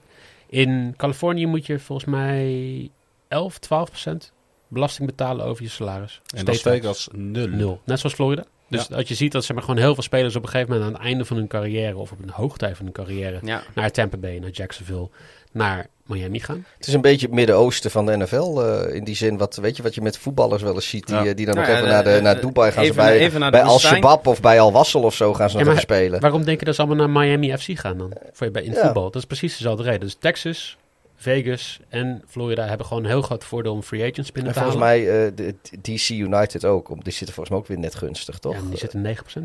Ja, DC. ja, ja, maar we hebben die niet, eh, omdat de DC is natuurlijk geen, geen staat en ze spelen er wel niet, maar volgens mij heb je wel, daar was volgens ook iets mee. Dus dan, dan betaal je gewoon 9 of 10% eh tax. Oh, ik dacht dat, dat, dat ze wel, ze spelen wedstrijden niet in, in Washington DC, maar ze hebben volgens mij wel de, de, de geen, of ze hebben, oh, nou, ik, weet niet. ze spelen in Maryland. Ja, maar omdat, maar goed, whatever ook. Maar het is, wel, het is wel leuk om te zien dat, dat ze zeg maar gewoon... Maar ze hebben dus helemaal niks gedaan in free agency. En dat Nee. vind ik gewoon heel jammer. Dat, dat je kan dus alle spelers halen. Je kan dus echt een beter netto salaris aanbieden. En dat doe je dan niet. Laten we want, niet doen eh, alsof de Raiders los van het, het, de belastingtarieven in Nevada... alsof de Raiders qua uitstraling en qua team en qua historie... niet gewoon heel interessant zijn. Ik bedoel, het is, poten- het is een slapende reus. Niet alleen in de NFL, maar ook eh, eh, wereldwijd... in de zin van merchandise en marketing. En, en er zit enorm veel potentie in, in die zin. Sorry maar alle Raiders merchandise die in Nederland rondloopt... is nog steeds de Los Angeles Raiders. Ja, nee, Mensen nee, nog steeds nee, niet beter weten dat, dat ze hebben gewoon twee... Ja, maar dat was ook de laatste keer dat ze relevant waren. Ja. Ja. Kunnen we Warren G weer aanzetten. Maar, nee, maar ik bedoel, als, st- nee, maar stel dat, je, dat, je, dat jij gewoon bij die spelersgroep zit die, die een Super Bowl naar Las Vegas haalt eh, voor de Raiders. Weet je, dat, dat zwart met, met, met zilver. Weet je, het is een van de meest iconische qua uitstraling NFL-franchises. Ik bedoel, Ja, de, de, de, de, de Patriots die mogen dan wel zes Super Bowls hebben. Maar als jij het, het logo van de Pets en het logo van de Raiders en de uniformen, als je het allemaal naast elkaar zet, wel, welk team zou je als, als, als jochie eerder... eh, eh, kom op man, de Raiders, dat is echt zo'n... Kunnen we iets positiefs noemen? Misschien... eh, Nou, ik wou eigenlijk, eh, ja, dat, dat, heb, dat is nou eenmaal zo als, ik- als je de show een beetje host. Ik wou eigenlijk eerst nog eens even naar iets kijken wat helemaal mis is gegaan bij de Raiders, als je het goed vindt. Dan mag jij, daar waren we Dit nog niet tot, mee bezig. tot zover het Laten we- positieve Laten deel. we daar dan even mee dan mag jij, mag jij zo meteen je positieve take Nee, doen. ik, ik wilde vragen wat ik- die is. Maar... ik, vraag me, nou, ik vraag me echt af, en ik denk ik ga deze vraag aan jullie stellen, omdat ik echt benieuwd ben hoe jullie, daaraan de- hoe jullie daarover denken. Je kijkt op een gegeven moment als coach, dus in dit geval als Gruden, kijk je naar je roster. En dan kijk je naar je offensive line. En dan zie je daar staan Andrew James, center. This Eén- guy, zegt hij dan. één basisplaats sinds 2019. Dan zie je daar staan Alex Leatherwood, This guy. de meest bekritiseerde eerste rondekeuze in de afgelopen draft. Dan zie je daar staan Richie Incognito, die moet gaan terugkeren als first stringer. Dat kan namelijk niet anders, want ze hebben niemand anders. Is dat Nadat hij die, vorig eh, die jaar Joe twee Flacco wedstrijden keer uit de startte. wedstrijd probeerde te beuken? Nee, Ja. ja, Ja. nee, dat was die... Bij eh, Dolphins nee, tegen... dat- Nee, een dat was die linebacker. Ik, Incognito werd, eh, werd, ge- Gepest. werd gepest. Oh, Die, is, die is letterlijk weggepest in Miami. Ja. een fijne franchise was dat in die tijd, zeg. is Maar nu wel beter. hoe, hoe zien jullie eh, voor je dat Carr niet een paar keer in het ziekenhuis gaat belanden dit seizoen? Jacobs. Dat is gewoon elke keer de bal aan Jacobs geven. Ja, maar die kan niet rennen achter deze O-line, toch? 400 carries, gewoon 2 yards average en dan gewoon... eh, Ja, de rest, Kom je hele rest naar Drake. Ja, en dan, en dan hebben ze een casino leeggetrokken om Kenyon Drake eh, te betalen, Ja, terwijl je Josh ongelooflijk. Jacobs hebt. Wat is dat voor keuze? Nou, omdat, kan hem al- niet nee, maar verklaren. als, als jij zoveel, zoveel, zoveel eh, carries gaat doen, als je zoveel over de grond gaat doen, dan heb je aan, aan één running back niet genoeg. nee, dus heb je Jacobs met 400, dan heb je Drake met 350 carries en dan eh, is het gewoon... eh, En, en, Ja. en, en, en, en, en dan Alles heb je vanuit de Wildcat. Dan heb je, heb je Carr met, met, met zeven pass attempts per, per wedstrijd. Ja, en de rest Wildcat. Ja. Ondanks alles speelde Carr dus wel een redelijk seizoen. speelde Carr best een redelijk seizoen. Volgens mij rankte die in de passing game negende eh DVOA. ja, Kijk even naar jouw grote boek. Ja, maar dat, ik vind dat zo'n rare... Carr is zo'n rare speler. Je hebt altijd over regression to the mean. Bij Carr is er geen mean. Het is eh, een, soort eh, David Jekyll en Hyde, zeg maar. Ja, je, hebt, je, hebt, zeg maar, je had ooit de, de Dalton line. Ja. En Carr, de Dalton die, scale. ja, de, de, de, de Dalton line. En, en eh, Dalton die bleef altijd vrij dicht bij zijn Dalton line. Ja, de, Maar- Dal- de Dalton-line was dus... Ja, dat is, was zeg maar Andy de mean. Dalton was de ultieme, was de het ultieme gemiddelde, van wat gemiddelde een quarterback quarterback, in de NFL was. En, en nou, weet je, laten we zeggen dat Dalton die was het ene seizoen de 15, de andere keer de 16, dan weer de 15, dan weer de 16e quarterback. En, en Carr is een beetje, die is de, die, die, die is de 23ste en dan is hij weer de, nou de zevende dan niet meteen. Als de Chiefs komen, dan is hij de vierde. Ja, ja nee, nee, maar die is zeg maar, ja weet je, die, die, die, die, ik, ik- het zou best kunnen hoor, dat, dat hij over zijn hele carrière in de buurt van die Dalton-line zit. Maar dat hij, eh, eh, Ja, dat die gemiddeld constant is, maar, Maar- eigenlijk maar- maar- nooit maar- constant. Nou ja, ik, ik kan je eens hoge diepe geven. dalen. Min 60% DVOA in 2019. En dat Dus- houdt in? Dat je ehm, contextueel min 60% bijdraagt aan je team. en als je team gemiddeld min 10% is, betekent dat jij zes keer zo slecht bent als het gemiddelde van je team. Oké, maar wat is zijn meest positieve ding? Dat hij vorig jaar inderdaad maar min 10% had. Dus dat hij een eh, aanzienlijk betere quarterback was. Ja. Maar nog steeds, Maar nog eh, steeds een, negatief een, een, een bijdroeg negatieve aan bijdrage leverde het aan team. zijn team. Ja, maar als het hele team min 10% is, dan, ben je dus, dan draag je net zoveel bij als alle Ja, andere dat, spelers. dat Ja, oké, dan, ben jij, dan ben jij net zo slecht als de rest. Ja. Wat, Hij, Maar je- for- hij forceerde ook meer, want eh, hij ging meer play-action spelen. Ja. Maar er was geen quarterback met een grotere drop-off tijdens play-action Als dan hij- Carr. Ja. En eh, eh, eh, Carr is ook wel gewoon een beetje een pocket passer. Hij is hoor. een Laten we nou Stafford. niet Hij, is, eh. hij Ja. is goed voor de stats. Hij is goed voor je fantasy team. En hij maakt iedereen blij als hij weer... Jij bent, gewoon- eh, jij bent kamp Pat Stafford. Nou, ik, eh, ik heb Stafford heel vaak gehad in mijn leagues. En hij, ja, nee, omdat hij dus een- zijn- van dat, dat hij zijn stats pet. Ja, eh, 25, 26 punten. Vooral in garbage time als je al gewoon achter staat en dat soort dingen. En Carr is een soort, soortgelijke quarterback. Als, het, als hij er moet staan, als hij onder druk staat, dan, dan weet hij niet waar hij de bal af moet leggen. Dus ik denk dat je inderdaad, wat wij zeggen, 750 carries, dat je daar meer geluk mee gaat hebben dan Carr die... eh, Heeft tussendoor, ik denk wel dat Stafford beter is dan Carr. Behoorlijk beter is ik dan wel een Carr. hot take hoor. ja.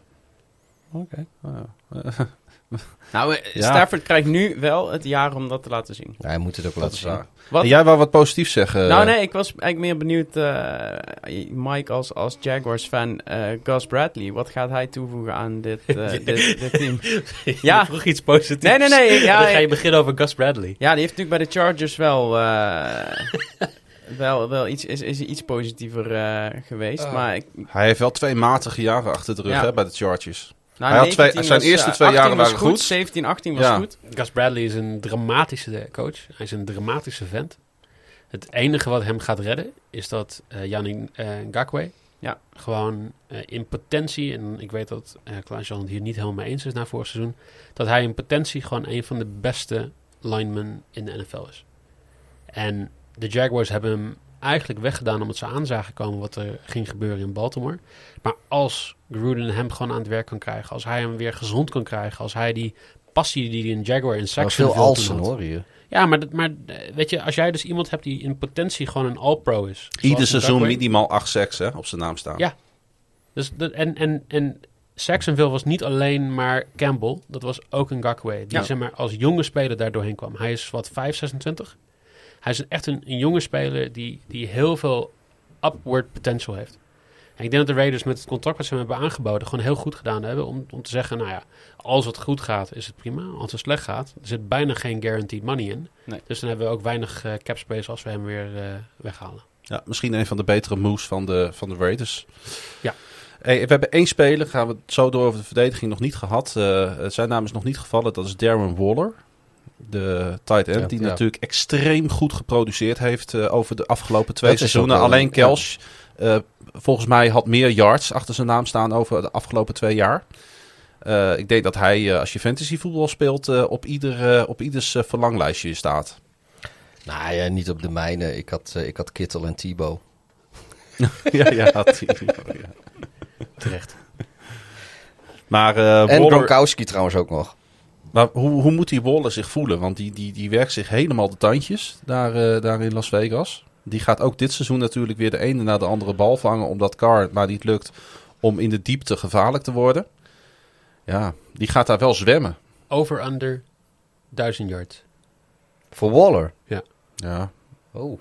Eh, Ja, under. ja, under. over. over. Nee, ik denk eh, under. Want als je, als je alleen al eh, eh, minimaal 750 keer over de grond gaat Ja, spelen... Dat- dan blijven er eens. relatief weinig... eh, maar wie moet, wie moet anders die ballen vangen? Dat was vorig jaar hetzelfde. Hunter Renfro.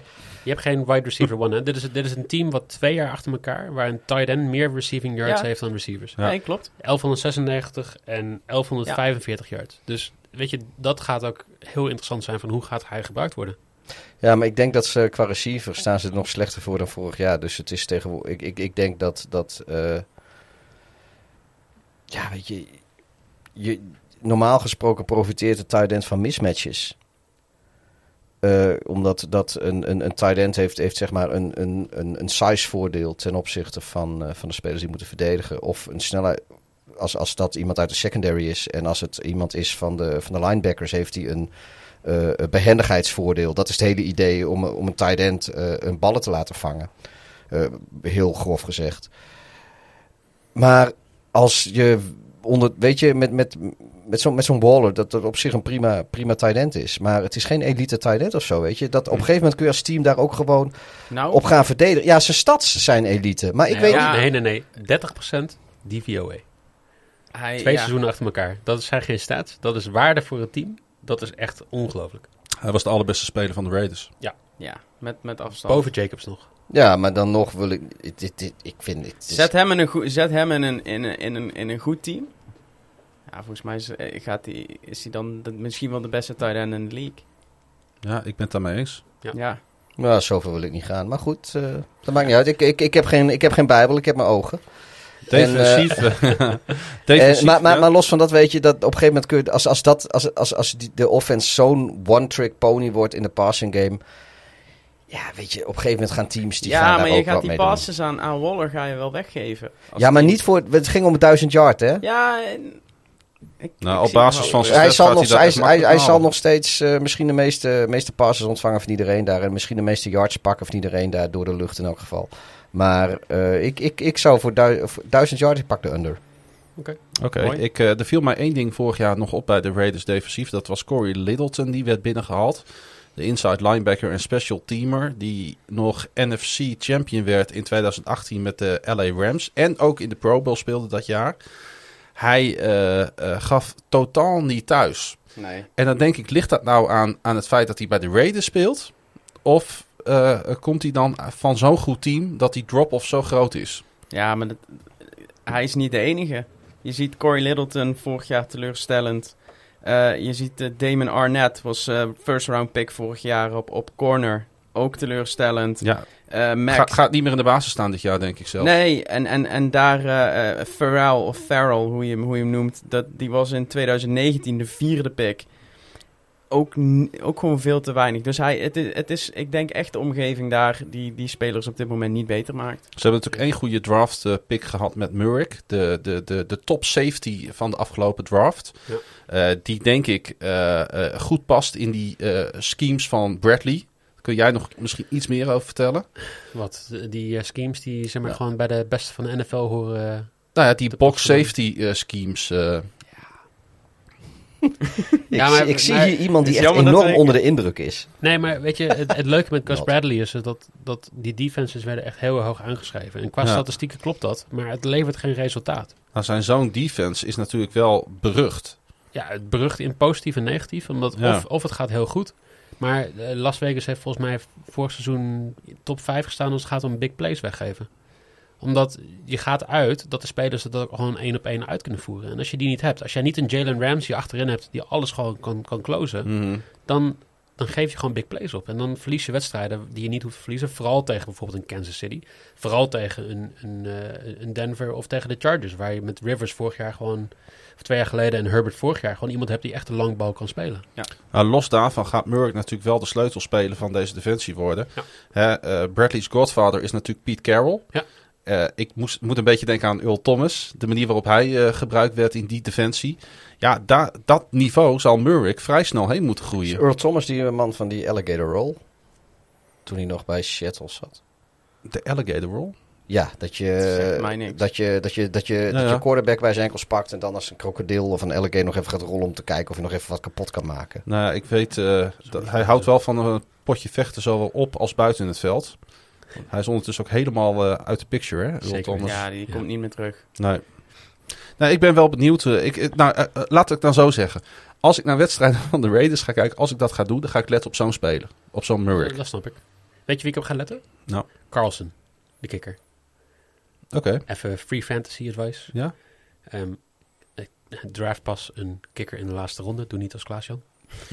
en eh Carlson is dan een hele goede optie. Want die heeft gewoon een hele hoge...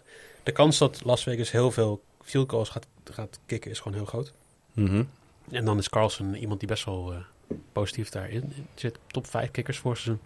Overall jongens, wel of geen upside eh, de Raiders? Ten opzichte van voor seizoen? Of Ja, ten opzichte van vorig seizoen, ten opzichte van... Of naar aanleiding van het talent wat best wel aanwezig is op het roster. Vorig seizoen waren ze 8 en 8, hè? Ja, middle eh, of the road. Ze beginnen altijd goed en dan eh, klapt het in elkaar. Ik denk niet eens dat het dit jaar goed begint. Nee, ik Nee, denk het ook ik- niet. Ik zeg 6 11. Ik- Ze- ik- 17. Ik zeg 5-12. Vierde. Eh 6 11. nou, genoeg over de Raiders, jongens. 7, eh wat veel zei te veel tijd aan ze besteed 5 12 eigenlijk, zei jij, hè? Hij zei 5 12. We gaan eh, door naar een eh, team wat denk ik, eh, als we het dan over upside hebben, dat woord daar meer terecht is. De Los Angeles Chargers. En ik denk dat Chargers fans er wel aan gewend zijn. In het voorseizoen buitelen de NFL-volgers over elkaar heen om de Chargers weg te zetten als de eventuele verrassing van het seizoen. Dat gebeurt al jaren en ook dit jaar. Vorige offseason namen de Chargers natuurlijk afscheid van Flippy Rivers en werd Justin Herbert gedraft. Anthony Lynn twijfelde in eerste instantie hem voor de leeuwen te gooien, maar toen een pregame injectie bij Tyrod Taylor helemaal verkeerd ging, had hij opeens geen keuze meer. Herbert was meteen een revelatie en een van de meest belovende jonge quarterbacks in de league. Ondertussen stapelden de coaches misser op misser met hun game management. Waarbij Lin natuurlijk eindverantwoordelijk was. Hij werd dan ook na het seizoen ontslagen. En de Chargers lieten hun oog vallen op Los Angeles Rams defensive coordinator Brandon Staley. Met Staley als frisse wind ziet de toekomst er voor de Chargers in principe zonnig uit. Ze hebben een high upside quarterback met een rookie contract. En het is ook niet zo dat de rest van het roster zuigt. Ik noem alleen maar spelers als Keenan Allen, Joey Boza en Durban James. Los Angeles heeft het offseason benut hun offensive line opnieuw gestalte te geven. Belangrijkste wapenfeiten waren daarbij het binnenhalen van All-Pro center Corey Linsley, gekomen van Green Bay, en het draften van left tackle Rashawn Slater in de eerste ronde van de draft. Zijn de Chargers er klaar voor om een woordje mee te spreken in de AFC? Of vinden ze toch weer een manier om, ondanks de hoge verwachtingen, weer eens tegen te vallen? Was mijn inleiding over de LA Chargers. Ja? Gaan ze tegenvallen? Nee, nee ik, vind, ik vind de Chargers het meest interessante team. We hebben het over eh, teams die in een rebuild zitten. De Chargers zaten vorig jaar in een rebuild. Eh, Justin Herbert heeft het zesde beste DVOA-seizoen ooit neergezet van een rookie. Ja. Ik ga even de namen opnoemen van de spelers waar hij achter stond. Dak Prescott, Matt Ryan, Ben Roethlisberger, Dan Marino, Russell Wilson en dan Justin Herbert. En dan, oh ja, ja. En dan RG3 staat er ook RG3, nog, ja. Peyton Manning, Baker Mayfield. Maar als je gaat kijken naar de drop-off het jaar daarna, de enige die van die top 6 een drop-off had, was Dak Prescott. En dat was 0,2%. Dus niet heel veel. Nou, Dak is nu een beetje de vraag of hij het heel goed gaat doen. Maar als jij, als jij met dat soort quarterbacks erin zit, is het heel goed. Nou, dan ga je iets verder in de cijfers kijken. En dan zie je dat op first en second down hij helemaal niet zo'n goede quarterback is. Maar onder druk, third down, was hij vorig jaar de zesde beste quarterback in de NFL. Eh, ja, hij improviseert. hij eh, improviseert. Hij staat er als hij er moet staan. Hij ziet een blitz. Hij kan. En, en er wordt zo vaak wordt er gepraat in de NFL over play recognition. En over eh, quarterback intelligence. Want als jij kan zien wat de tegenstander gaat doen en doet, dat zie je bij Troy Aikman als hij het spel uitlegt. En wat er gaat gebeuren, dat hij al tijdens een play kan zeggen: let op dit en dit en dit. Mm. En Herbert lijkt dat te kunnen, en zeker onder druk. En dat is een hele goede basis. Dat gezegd hebbende, hij is ook de enige bij de Chargers die dat niveau bereikt heeft. En de rest nog niet. Ja, ik, eh, Herbert doet me een beetje denken aan eh eh Deshaun Watson. In de zin van dat eh Deshaun Watson, die kreeg natuurlijk in zijn eerste seizoen bij de, bij de Texans, kreeg je eigenlijk ook nauwelijks tijd om, om wat te doen. En de first en second down was over het algemeen niet zo heel indrukwekkend, omdat de, de gescripte play eh, die je vaak voor je rookie neerzet, dat, eh, dat, dat viel al in ellende uiteen, omdat het gewoon best een klote team was. en dan bij third down, dan is zoiets van oké, eh eh, pro- probeer jij maar wat. Ja. En ja, dat, dat is ook een beetje wat. da- da- daar doet me het een beetje aan denken. Eh, ik, ik denk wel dat eh, eh, qua eh, spektakel misschien eh, eh, Herbert eh, er wat ja, zeg maar wat gepolijster uitzag misschien dan Watson. Bij Watson was het meer chaos waar het uit voortkwam. Maar dat heeft denk ik ook wel te maken met dat eh, eh, vorig jaar de, de Chargers beter waren als de... eh, in ieder geval de O-line van de, van de Texans eh, in het rookiejaar van Watson.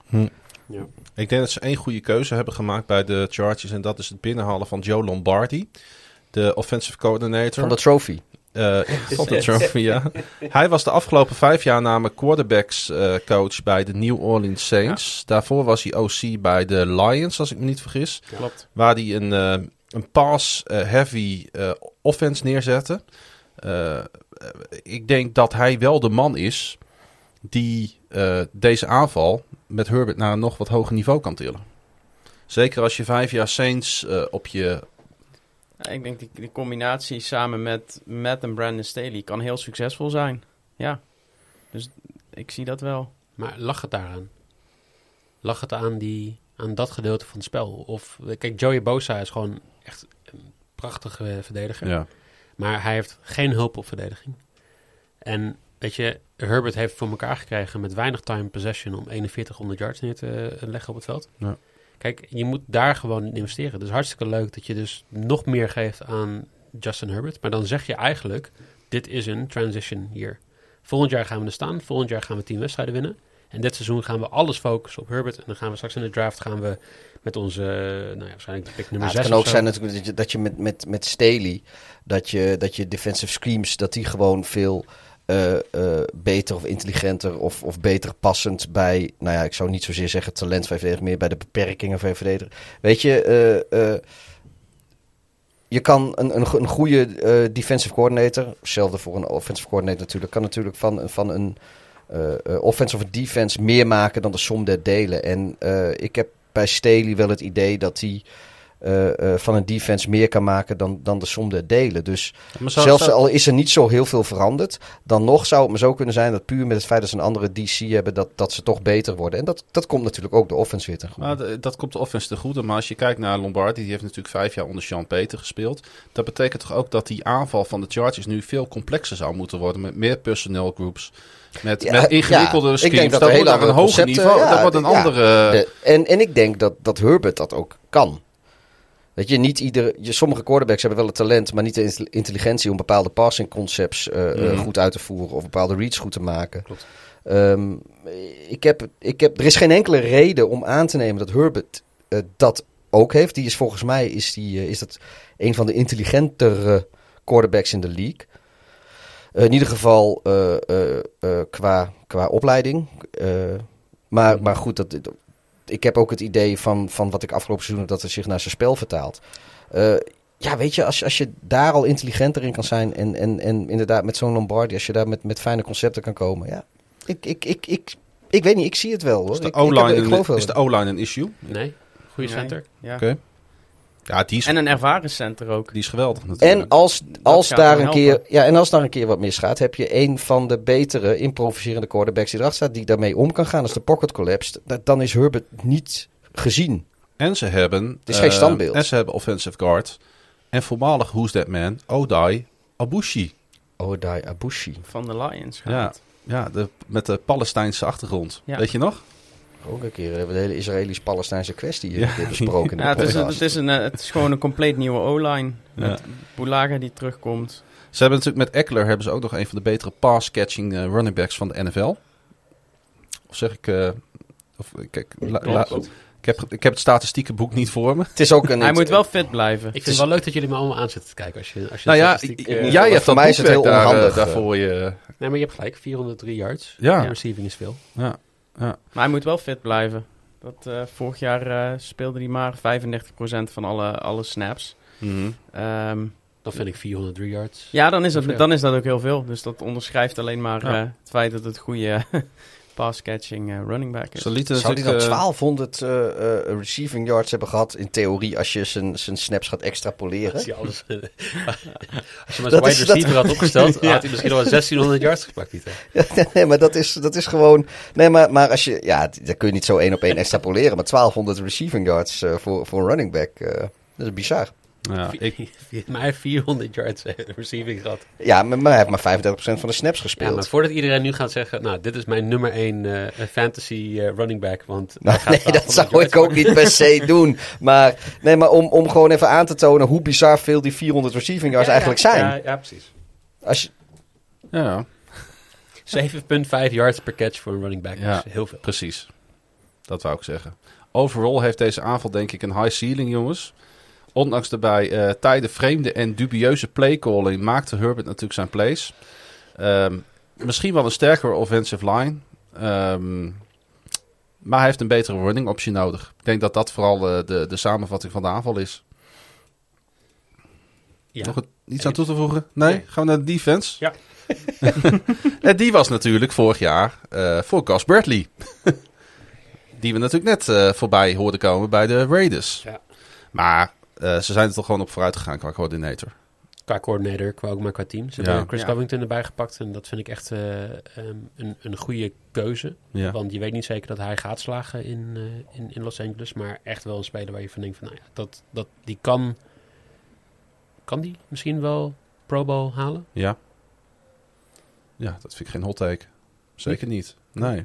Dan heb je Bosa en Covington die vanuit de Chargers gewoon de big market team makkelijk om de Pro Bowl te halen. Eh, ze hebben natuurlijk ook wat laten gaan. Dat, eh, dat kan ook niet anders. Eh, Casey Hayward, de cornerback, lieten ze gaan. Naar Las, Las Vegas. Dus daar, daar, is enorm veel geschoven en gepuzzeld tussen LA Chargers en de Las Vegas Raiders. Logisch gezien natuurlijk dat de coördinator naar het andere team gaat. Ehm, maar overal vind ik dat de verdediging er toch wel heel aardig uitziet. Ja, het wordt in ieder geval veel minder voorspelbaar. Want met alle respect voor eh, eh, Gus Bradley. eh, zijn concept was relatief voorspelbaar. En ik denk dat Staley juist iemand is die veel beter is in, in, in het disguisen. En, en Ja, niet, niet. En dat Kijk, heeft, hij, dat heeft hij een- natuurlijk van Vic Fangio geleerd. Ja, en zeker als je in een divisie speelt met, met ja, sowieso met, met Patrick Mahomes, die, je- die je twee keer per seizoen tegen gaat komen. Eh, en, en nou ja, de AFC, daar zitten sowieso de NFL, daar zitten gewoon eh, best veel slimme quarterbacks in. En als jij gewoon een beetje, ja, Mhm. het allemaal net, net wat, wat, wat minder eh, eh, dik erbovenop legt wat je eigenlijk van plan bent. Want uiteindelijk deed, deed Gus eigenlijk altijd hetzelfde, weet je, altijd single high safety, eh, bla bla bla. Ehm, ja, ik weet niet. Ik, ik, ik denk nog steeds dat, eh, dat dat een gouden greep is geweest wat zij, eh, wat zij met, eh, met eh, Ik vond het wel Brandon Staley hebben Ik vind het wel grappig dat je dat zegt over die, eh, die, die pre-snap eh, disguise. Misschien toch wel leuk om daar heel even stil bij te staan. En misschien kort uit te leggen wat dat dan is. Hè, ik weet niet of je daar een beetje kijk op hebt. Dat gaat natuurlijk vaak in de vorm van split safety looks. En wat je bij de Rams zag, is dat de Rams dus ehm, eh, eh, vaak in die split safety bleven staan. En soms op het laatste moment roteerden ze er dan weer uit. Waardoor je dus een rookgordijn eh, voor de opposing eh, team ja, creëert. Ja. Hoe, hoe moeilijk is dat? Ehm, dat ligt aan de speler. Kijk, we hebben het over Palamalu gehad. Mhm. Die was daar gewoon me- een Ja. meester in. Maar kijk, ook bij linebackers is het heel interessant wat zij daarin gewoon doen. Hè? Dus eh disguising. Ehm, het leuke is, jij zegt net van, nou ja, ik zou een hele goede offensive lineman geweest zijn, eh, Pieter. Ik denk niet dat dat per se waar Ik, is. Ja. Nee, ik was een hele goede receiver als ik 30 yard van de line of scrimmage het veld nog even in mocht Ook stappen. nog offensive lineman. Nee, joh, ik ben- ik ben- nee, joh. Dat is mijn-. Mijn buik is wel dik, maar nog niet... Ehm, ik denk dat dat bij linebackers misschien nog wel belangrijker is. Linebackers hoef je niet de meest atletische speler te zijn, maar je moet wel heel goed eh, ehm, de, de play kunnen raden. En daarbij ook heel goed zeg maar, gewoon de quarterback een idee geven dat jij bijvoorbeeld vijf man, zes man gaat brengen in een blitz. ja. Ja. En dat niet doet en dan in een nickel of een dime gaat spelen voor, eh, voor dat soort dingen. Maar dat je running back in principe al aan de line of scrimmage is en niet terug kan lopen om de bal nog even te pakken. Ja, Daar waren de Rams vorig jaar koning in. Ja, en, en, maar het is natuurlijk ook. eh, eh, het zijn, je moet de, de, de verdedigende spelers moeten zeg maar talent hebben om. eh, kijk, je ziet wel eens vaker, zie je dat een safety richting de line of, of, of, of scrimmage gaat creepen. Zo van, ik ga heus blitsen hoor. En terwijl, zelfs als je tv kijkt, Ja. heb je dan zoiets van, jij gaat echt niet blitsen, vriend. Ja. Maar- en als wij op de bank zitten en dat weten, dan weet een Weet quarterback ook, aan de andere tuurlijk. kant van de, van de. Die weet het sowieso. Maar je hebt een, en dat is dus, nou ja, wat met, met, met die eh Gus Bradley dan. En wat, wat bij heel veel verdedigingen in de, in de NFL sowieso een probleem is. Hoe goed je spelers ook zijn in, in het of verkopen van een potentiële blitz. Of het disguisen juist van een blitz. Als de, de, het team zelf qua gameplan of, of qua hoe zij verdedigend in elkaar zitten, bepaalde tendencies heeft. Dan kun je er als offen- offense gewoon op gokken van ja, ze gaan toch niet blitsen. Of ze gaan juist wel blitsen. Ja. En dus het is niet alleen de disguise de- wat een talent is van de spelers. Het is ook gewoon echt een tendency die een team heeft om bepaalde plays te doen. Dat, dat klopt. Maar het gaat wel denk ik de grootste schemeverandering worden voor de, bij de Chargers. Ja, en, en goed dat ze dat in de offseason doen. We hebben, we Ja. hebben vorig jaar drie teams gezien die opeens midden in het seizoen van een eh 4-3 naar een eh 3-4 gaan.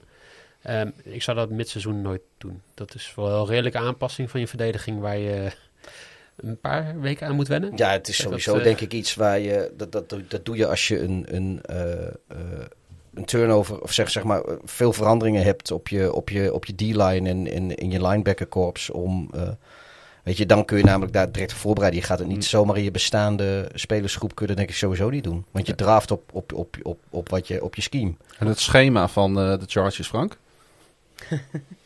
Ja, ik verheug me al op de openingswedstrijd tegen de Washington voetbalteam. Gaan we meteen eh, die O-line eh, getest zien worden. Ehm, dus dat, dat, dat is mooi. Dat is geen misselijke defense. eh. Nee, daarom. Dan worden, ze worden meteen getest. Ik denk dat wij heel snel weten of de Chargers for real zijn. Eh, ze spelen week 3 in Arrowhead. Dat is Ze ook moeten al, de eerste- vrij snel. Eerste drie wedstrijden moeten ze twee keer uit. één keer naar Washington en één keer naar... Ja, en Kansas één keer naar- City. Ja, Leuk. Ja, dus Ja. Dat, dat- we gaan, eh, we gaan van, de, van de, de Chargers zijn echt een team om in september eh, meteen, eh, meteen goed te volgen. Ik denk ook dat ze het team zijn dat de meeste mensen aanwijzen als een team wat je, wat je dit jaar een keer eh, wil gaan volgen. Omdat het, ja, dus Ja, het, het gewoon is ook wel heel upside. interessant om te zien, want, want er zijn, ja, oké, dit is de AFC preview, maar er zijn nog genoeg vraagtekens, vraagtekens bij de offense van eh Washington voetbalteam. Ja. Maar ja, we zeggen het zelf, er zijn, eh, we hebben wel bepaalde verwachtingen en, en dingen van de defense van de Chargers. Maar ik, eh, het is ook heel interessant inderdaad om te zien hoe dat gaat uitpakken Ja. tegen die, eh, die offense van, eh, Ik van hoop Washington. wel voor ze dat ze beter gaan spelen met hun special teams, hoor, de Chargers. Want daarmee eindigden ze vorig jaar op de Ja, laatste plaats. Nou, dat, is ook niet Twee jaar rij. En hun game management. ja, ze hebben maar de. Lin is gewieberd, dus daar ben ik niet... Daar maak ik mij maar, minder zorgen dat, over. Dat is, Maar- dat is wel een, een, een, sowieso dat, dat speelt bij de Chargers al zolang ze bestaan Ja. zo'n beetje. Ik bedoel, dat, dat eh, Ze hebben altijd pech. ja, nee, maar we, we, Maar dat we zijn weten wel- ook dat wel dat, wel zij een met Philip Rivers, dat ze een top 3 offense hadden en dat ze ook een top 5 defense hadden, maar dat hun special team zo slecht was, dat ze haalden de playoffs wel. Ja, maar, precies. maar omdat hun Ja. special team zo slecht Maar daar was, ligt wel je quick win, heb Zal, ik het zal- idee. zal ik één statistiek eruit pakken? Ja, graag. Er is nog nooit zo'n slechte statistiek geweest in de NFL. als de net- special teams Net punt. over de historie van een team Nee, of over jaar. seizoen. Normaal, zeg maar gewoon net punt. Jullie weten ongeveer wat die statistiek is. Hoe erg denk je vorig jaar dat het was bij de Chargers? 4 yard. Toch niet negative, eh, mag ik aannemen. Ja, ik denk het ook. Negative? Ja, zeg Ja, maar. dan- ik denk ook negatief. Dan zal het negatief Ja. Wacht even, zijn, is, ja. is, is dat wat, wat jij punt ten opzichte van wat je tegenstander punt? Of is dat wat, wat de, letter, de, de netto opbrengst is van jouw punting Wat yards? jij punt, wat je tegenstander punt en hoeveel er teruggelopen wordt. Oh, oké. Nee, ik dacht dat dat zeg maar is wat, wat jij gemiddeld per punt Ja, dat uiteindelijk de wint. field position, wat je verliest, Wat je bij verliest, je punt. ja. Ja, dat zal het misschien wel bij... eh, het zal het bijna een veld zijn, misschien. Dus 50 yards, 60 yards. Nou, je zit hier niet veel af. 37,8 yards verliezen zij net met punting. Alleen punting, ja, dat is veel. Dat is belachelijk. Dan kan je beter gewoon voor fourth down kan je gewoon elke keer voor gaan. Want eh, ja, die vind, ja, dat is waar. Ja, en ik zie niet in hoe ze daar heel erg verbeterd zijn. Dus iets om in de gaten te houden voor het eh, komend seizoen. We gaan voorspellen voor de LA Chargers. Jij mag beginnen, Frank. Die is moeilijk. Ehm eh, Ja, laten we voor de upside gaan. Eh, 10-7. Ik zeg ook 10-7. Nou, ik zie consensus, want ik heb eh 10-7 voor mezelf ook al opgeschreven. Ah, jammer. 6-11. Anders had je ook 10-7 gedaan. Nee, jij zegt 6-11. Oh, oh sorry, zo. Ik Gaan dacht, ze, gaan ze zoveel verliezen? Ehm, ja, want ik denk dat de divisie gewoon beter is geworden. ja, maar ik sorry, denk, de maar, hele ja, maar ik denk de Chargers dus ook. Ja. Ja, maar de hele AFC is beter geworden. ja. Dus weet je, dat... Nou ja, het laatste team wat we gaan bespreken in deze podcast, eh, die zijn er eh, misschien inderdaad op één positie inderdaad beter op geworden. Dat zijn de Denver Broncos. En eh, we hebben het vaak geroepen in deze podcast. De Denver Broncos zijn een goede quarterback verwijderd van een goed team zijn. Het team haalde Teddy Bridgewater.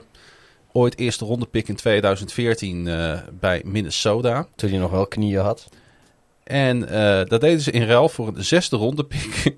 en hij zal de strijd aan moeten gaan met eh, Drew Lock voor de starting job. Overal ziet het er, eh, roster om die startende quarterback heen er, vind ik, prima uit. De Broncos hadden vorig jaar flink wat pech met blessures en speelden een zwaar schema. Dit jaar worden hun wedstrijden door Bet MGM juist ingeschaald als het op vijf na makkelijkste, voor wat het waard is in de NFL. Met Vic Fangio hebben de Broncos uiteraard een van de grootste, grote defensive minds in de NFL langs de zijlijn staan. Met de terugkeer van Von Miller en de toevoeging van Patrick Surtain II boezemt de defense angst in. Maar is Vic Fangio ook een goede coach? Hij is misschien wel de meest conservatieve op fourth down en Denver zweeft de laatste twee jaar in het niemandsland van de NFL. Toch is ook zonder top quarterback er wellicht een route naar meer succes en wellicht een playoff spot voor het eerst sinds 2015. De Denver Broncos met dus nog altijd problemen op eh, quarterback, eh, Frank. Ja, je kan, je kan niet omheen. Dat, dat is en blijft de positie om het, eh, om het over te hebben. Teddy Bridgewater of Drew Lock. Ehm, de berichten uit het trainingskamp zijn ook niet rooskleurig. Over beide niet. Over Lock misschien nog net iets positiever.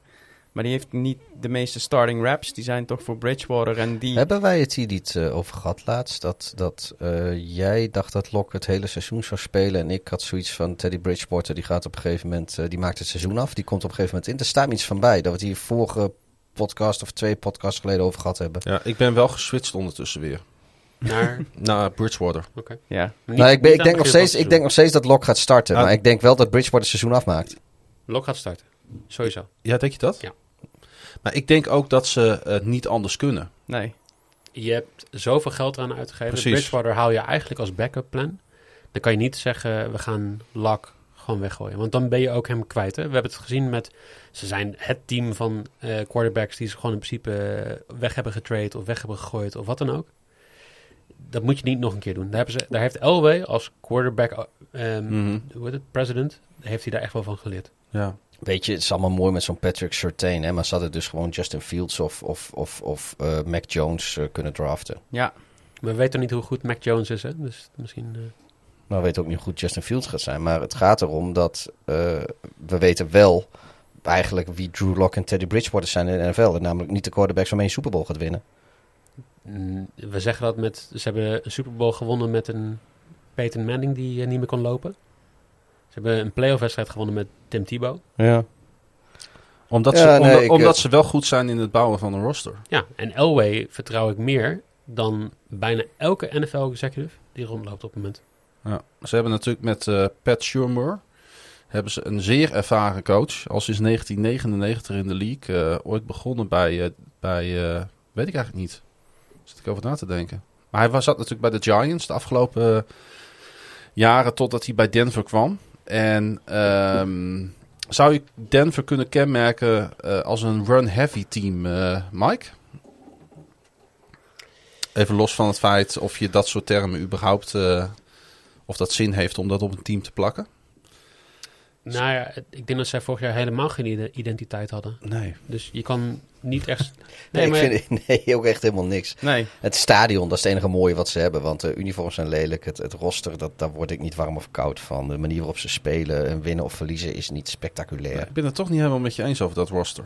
Nee, het roster is prima, maar Ja, nee een- het, nee, het roster is op zich wel prima. Maar er, ge- er gebeurt niks Dat- mee, weet je. Het is, Ja. het, het, er zit heel veel potentie in. Het is Ja. een beetje alsof je naar een hartstikke mooie sportauto kijkt... maar er vervolgens zo'n laken overheen legt... en da- daar daarna zit te kijken, weet je. Het is gewoon niet mooi. Want Ja. ik vind hun Dus- lines vind ik echt, echt meer dan oké. Ja, ja, ja. Nee, maar het is het echt een heel hele- goed roster. Ja. Ik denk dat zij... Als de quarterback niet zo'n belachelijk belangrijke positie was in de NFL... hadden ze misschien een top 5, top 6 roster. Ja. Weet je, als je, als je de quarterback bij ieder team weghaalt... en je gaat dan de rosters vergelijken... dan, nou, top 5, top 6... Ja, nou misschien wel. Ja, ik denk dat ik gewoon daarbij blijf bij dat statement. Ja. Ik had één probleem, heb ik in de vorige podcast ook gezegd. Eh, eh, ik, ik had er denk ik niet voor gekozen. Ja, oké, misschien wel. Want heb je wat beters achter de hand om Melvin Gordon terug te brengen als running back. Maar ze gaan met tackle-breaking machine Javonte Williams gaan zij natuurlijk eh shinen. Ja, North Carolina. Goede line, geweldige running back.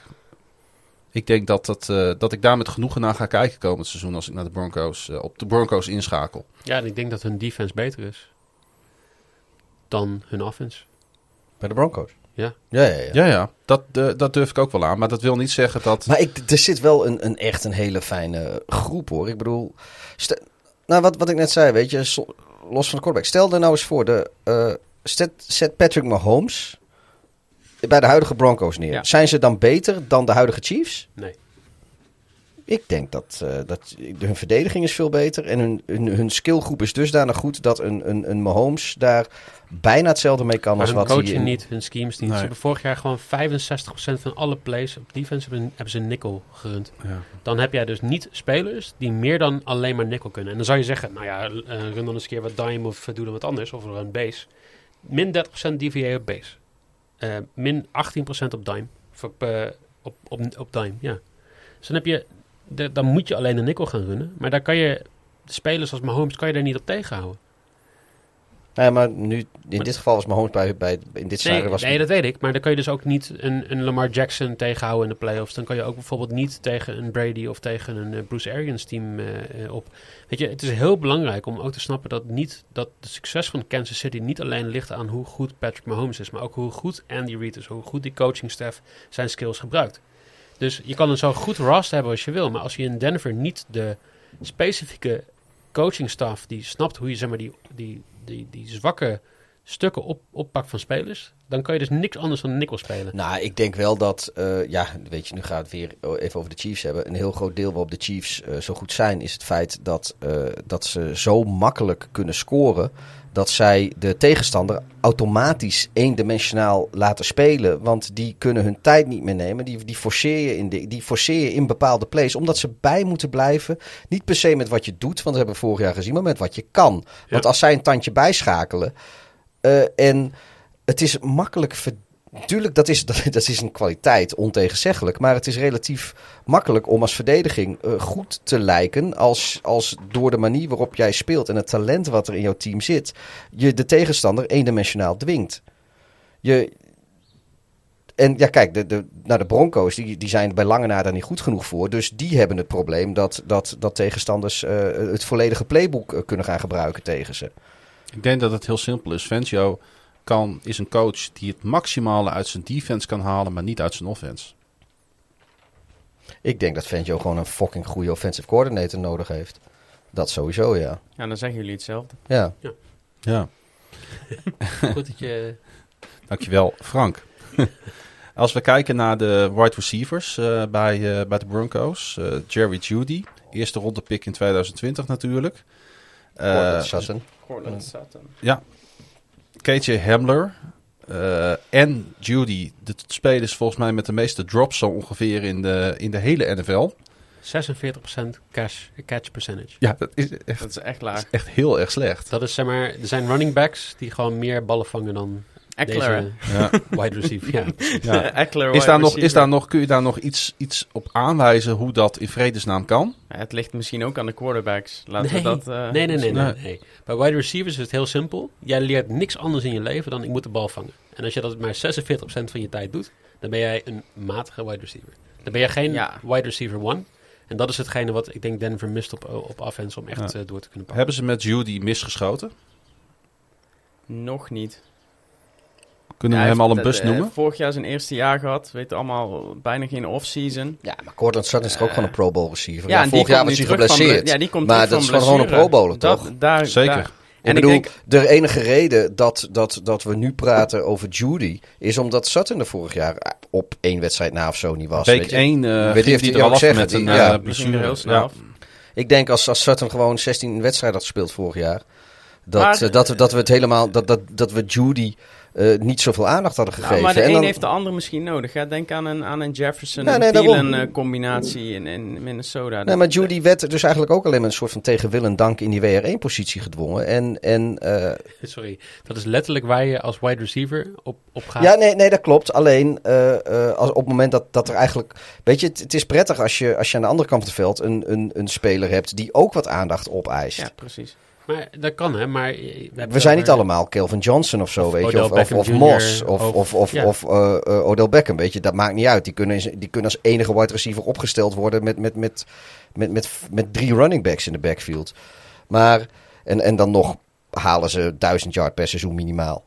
Maar eh, Judy, ja, daar kun je dat niet van vragen. Ik, ik, vind, ik denk dat hij nog steeds, gezien de omstandigheden, zijn zijn, zijn, zijn, zijn zijn mindere statistieken wel te verklaren, laat ik het zo zeggen. Er Ja, zit weer ja. context aan. Nou, er zit de context aan dat hij gewoon veel meer... Dat hij 70% van de ballen die hij had moeten vangen, heeft hij maar gevangen. Dus je kan hem geen wide receiver one maken. Hij kan niet in de slot spelen. Patrick is geen wide receiver one, kan je ook niet in de slot spelen. Dus je hebt op een gegeven moment heb je dus een, een wide receiver core waar je het mee moet doen. En er zijn heel veel teams geweest waar je het maar mee moet doen. En die worden gewoon niet goed. De, Eagles eh, eh, wide receivers van de afgelopen eh, vier, vijf jaar waren allemaal goede wide receivers, maar geen duidelijke wide receiver one. En dan kan je, wie, wie wordt nu, wie gaat de bal opeisen dit seizoen? Ja, dan moet je een betere quarterback hebben. Dat, nee, dan ja, maakt het niet uit wie er als wide receiver Dat moet staat. Cortland Sutton worden. Gemiddeld 55% ja, maar we- ja. Cortland Sutton is gewoon je, je wide receiver one natuurlijk. Of- Als die fit is. Maar dat, Ja. dat gaan we zien. Ik, eh, ja, Ik, eh, ik, ik, ik vind dat jullie te aardig zijn voor NFL-teams. Oh, dat, dat mag best. Maar ik zie ook, eh, weet je, dat is eigenlijk eh eh Farouk zijn dingetje. Maar eh, weet je, week 1 Giants, week 2 Jaguars, week 3 Jets. Daarna wordt het heel lastig hoor, met, eh, met Ravens en met Steelers en nou, Raiders en dan Browns. Maar ze, ze, ze rollen wel relatief lekker dat seizoen in, laat ik het zo zeggen. ik heb wel week 8 eh, Washington voetbalteam. Dat kan wel eens de most low scoring game van het seizoen worden. heb ik erbij geschreven. 3-3. Washington 3-3 voetbalteam en dan tegen, de, verlengen en tegen dan- de Broncos. Un- under of over 21 punten. Under. Zet, zet jij een tientje voor me in? 10-6? 10-6 voor een van beide teams. Ja, zoiets. Nee, ik heb het er echt bij gezet hier. Most low scoring game. Maar toch jongens, die verdediging. hè. Ik, ik, de- de- nu we het er toch even over Met hebben. een defensive touchdown. Man, Von Miller en, eh, en Bradley Chubb eh, on the edges. Ja. Dat is toch echt, eh, dat is wel iets, als, ik, als je daar tegen moet spelen, heb je toch wel een probleem, hè? Ja, mits het. Maar hoe vaak staan ze op veld? Nee, eh, dat, is, dat is een terechte vraag inderdaad. Eh, nou ja, eh, misschien meer. Ik, Carl Fuller werd natuurlijk nog binnengehaald als, op cornerback in, in Denver. Back, back op zich ook wel van gecharmeerd. Ja. Justin Simmons te- tekende een long-term deal. Niks mis mee. Ehm, Ja, is Ja. een heerlijke speler, hè? ja, dat zijn allemaal, weet je, al die, als je zo'n beetje door dat, door dat defensive roster gaat, ja, een klein beetje jaloers op. Hebben ze te veel geld betaald voor... eh, Voor Simmons? Ja. Ik denk het, eh, ik, ik, denk, ik denk het niet. Hij hoogst is, betaalde safety in de NFL? ja, ik vind ook dat hij eh, zeker bij de top drie free safeties in de league hoort. Dus ik denk niet dat daar te veel geld voor betaald is. En ze hebben natuurlijk met Kareem Jackson, de strong safety, hebben ze ook nog eens een betrouwbare veteraan staan. Ja, vier, vier jaar 61 miljoen. eh, Ja, dat dat vind ik is zo geld. flink. eh, flink eh, geld. Voor een safety, hè? ja.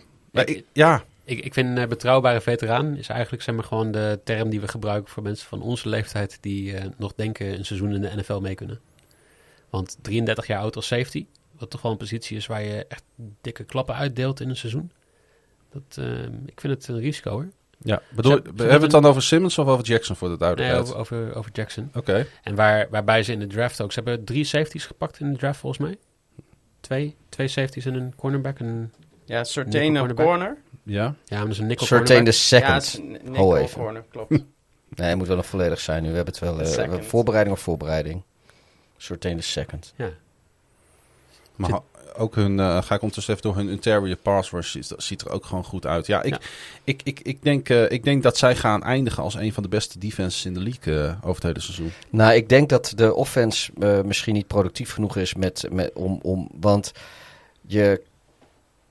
Om, om echt een, een, zeg maar een top 3 defense in de league te worden, moet je. Tenminste op basis van de cijfers die daarvoor gehanteerd worden. Dat is, weet je wel, Mhm. yards allowed, eh, points allowed. Eh, eh, die, die twee dingen. Daar, daar moet je ook in ieder geval een gemiddelde offense voor hebben. Je offense moet gemiddeld zijn. En dat is nog maar de vraag of dat gaat lukken in, in Denver. Jongens, gaan de mensen op Mel High elkaar aankijken waarom eh, de Broncos Justin Fields hebben laten lopen, ja of nee? Maar dat, dat kunnen we nu nog niet zeggen. En hetzelfde geldt voor Mac Jones. vind, vind ik ook geen interessante vraag. Oké. Nee, maar sorry, niet naar jou bedoeld. Maar ja. gewoon, ik vind, het, ik vind het altijd een vraag. Kijk, eh, Russell Wilson werd op een gegeven moment eh, werd gezegd... nou ja, iedereen heeft op eh, Russell Wilson lopen slapen. Ja, omdat de scouting alle, van alle teams op een gegeven moment zei... Nou ja, Ja, maar dat is, dat is wel wat anders. Hè? Want Russell Wilson is een derde ronde gedraft. Dus zelfs de Seahawks kunnen niet zeggen van... Ja, maar wij wisten wat we hadden. Want als de Seahawks wisten wat Wilson was... dan hadden zij niet tot de derde ronde gedraft. Want dan waren ze veel te bang geweest dat een ander team hem eerder had gepakt... als ze hem in de eerste ronde opgepikt. En hoeveel eerste eh, ronde quarterbacks zijn geflopt in de afgelopen vijf Ja, nee, jaar? precies. Dus Ja, weet je, ik vind, het, ik vind het eigenlijk gewoon veel belangrijker om te kijken van... wat doe je met, zo'n, met een speler die je hebt? En wat ga je dus doen om zo bijvoorbeeld zo'n Drew Lock nog echt te begeleiden... om daar een starter van te maken? Ik, ik denk dat dit ook een narratief is wat eh, eh, eh, een beetje tractie heeft gekregen. Natuurlijk ook omdat eh, eh, nou, Chicago heeft nu Fields. En die hebben natuurlijk de afgelopen vier jaar de... Ja, je had ook Watson of Mahomes kunnen draften. En ik, dat vind ik ook nog steeds... Ja, nou, dat heb ik ook al... Ik ben on record van... Weet je, op het moment dat ze het deden met de kennis van toen... was Trubisky helemaal niet zo'n hele rare draftpick. Klopt. En eh, met de kennis van nu weet ik niet of ik, eh, gezien de quarterback situatie die je hebt en, en wat, wat, wat de, de, de verwachting is, dat, dat weet ik niet. Dus ik snap, op zich snap ik die vraag wel. Maar ik vind inderdaad wel dat jij eerder, eerder een, een heel goed punt had over eh, John Elway en... eh, ja, als er één friend. Ik, ik denk, laat ik zo zeggen, ik denk dat de, dat de Panthers. daar zou je, dat, zou je daar eerder van kunnen verwijten. dat zij niet voor Jones of Fields zijn gegaan. Eh, want ik denk dat de redenatie dat de Broncos het niet hebben gedaan. dat die waarschijnlijk beter onderbouwd is dan eh, de Panthers. Duidelijk. We gaan voorspellen. De Denver Broncos. Pieter. Heb ik al wat opge... Even kijken hoor. Zeg het maar. Eh, ja, weet je. eh 8-9. 7 en 10. Die had ik ook. 7 en 10. Ik zet ze ook op 8 en 9. Dat is raar, hè? We zeggen dat het zeg maar, gewoon een goede defense is. Degelijke offense. En dan Ja. gewoon... Maar het kan ook 9-8 worden. Ja, zij, zij, zij zijn wat ze vorig jaar ook waren, denk ik. Vorig jaar was het 8 en 8. En zij zijn dat type, dat type team nog steeds. Oh jongens. 8 ik, teams. Zit, ik, zit zo Acht eens te ki- teams. ik zit zo eens te kijken, eh eh Klaas-Jan. En wat wij eh, voorspellen aan overwinningen voor teams tot nu toe is 10, 11, 9, 5, 15, 16, 8. Jij zegt 9, 12, 8, 5, 13, 15. Wij voorspellen eigenlijk maar, maar twee, twee echte losing seasons. Want 8, 9, dat is eigenlijk een beetje eh, eh, het oude Ja, maar 8, 8. Het gaat in de EFC ook in elkaar kruipen. Natuurlijk. Dus ergens Ah, nee, is het, dat het, het valt me gewoon op. Kijk, jij zegt gewoon kaart 1-16 bij de Jets. En eh, eh, jij zegt nog 3-14 bij de, bij de Jets. Ik vind het gewoon opvallend dat wij, wij zijn veel... Kijk, wij- Liever. Ja, maar we zijn ook lieve jongens. ja, iedereen kent ons ook als de nuances zelf. And everything's cool round our way. We don't give a damn what y'all say. We're right here doing our own thing. 100 miles an hour, never switching lanes. Is er al een album? Nee, nog steeds niet. Eh, ik zal nog eens even een boze brief sturen naar... eh, waar zit hij? Eh, hij zit in Nebraska, geloof ik. Hè, Ja, in Omaha, hè? Ja, ik weet niet of hij nog in Omaha woont, maar hij zit in ieder geval in Nebraska. En ik denk dat eh, dit die brief dan sowieso door Omaha komt. Jongens, eh, het zit erop. Weet je wie Voor deze Omaha podcast kwam in ieder geval. Ja. Want we gaan eh, over een paar dagen komen jullie weer terug naar Groningen. En dan gaan we nog een podcast opnemen. Ja, zo zijn jullie. Ja. Dan gaan we de andere acht teams in de EFC eh, voorbeschouwen. Wil je ons nou volgen op, eh, op de Twitters? Apenstaatje Darth laag streepje hideous. Of apenstaatje eh Klaasie Grun met dubbel A, dubbel S, dubbel N. Mike? En Mike Feit. Frank? Met een H erachter F. nog, hè? Ja. Ja. F laagstreepje metsenmakers. Je kunt ons ook steunen. Petje per dag.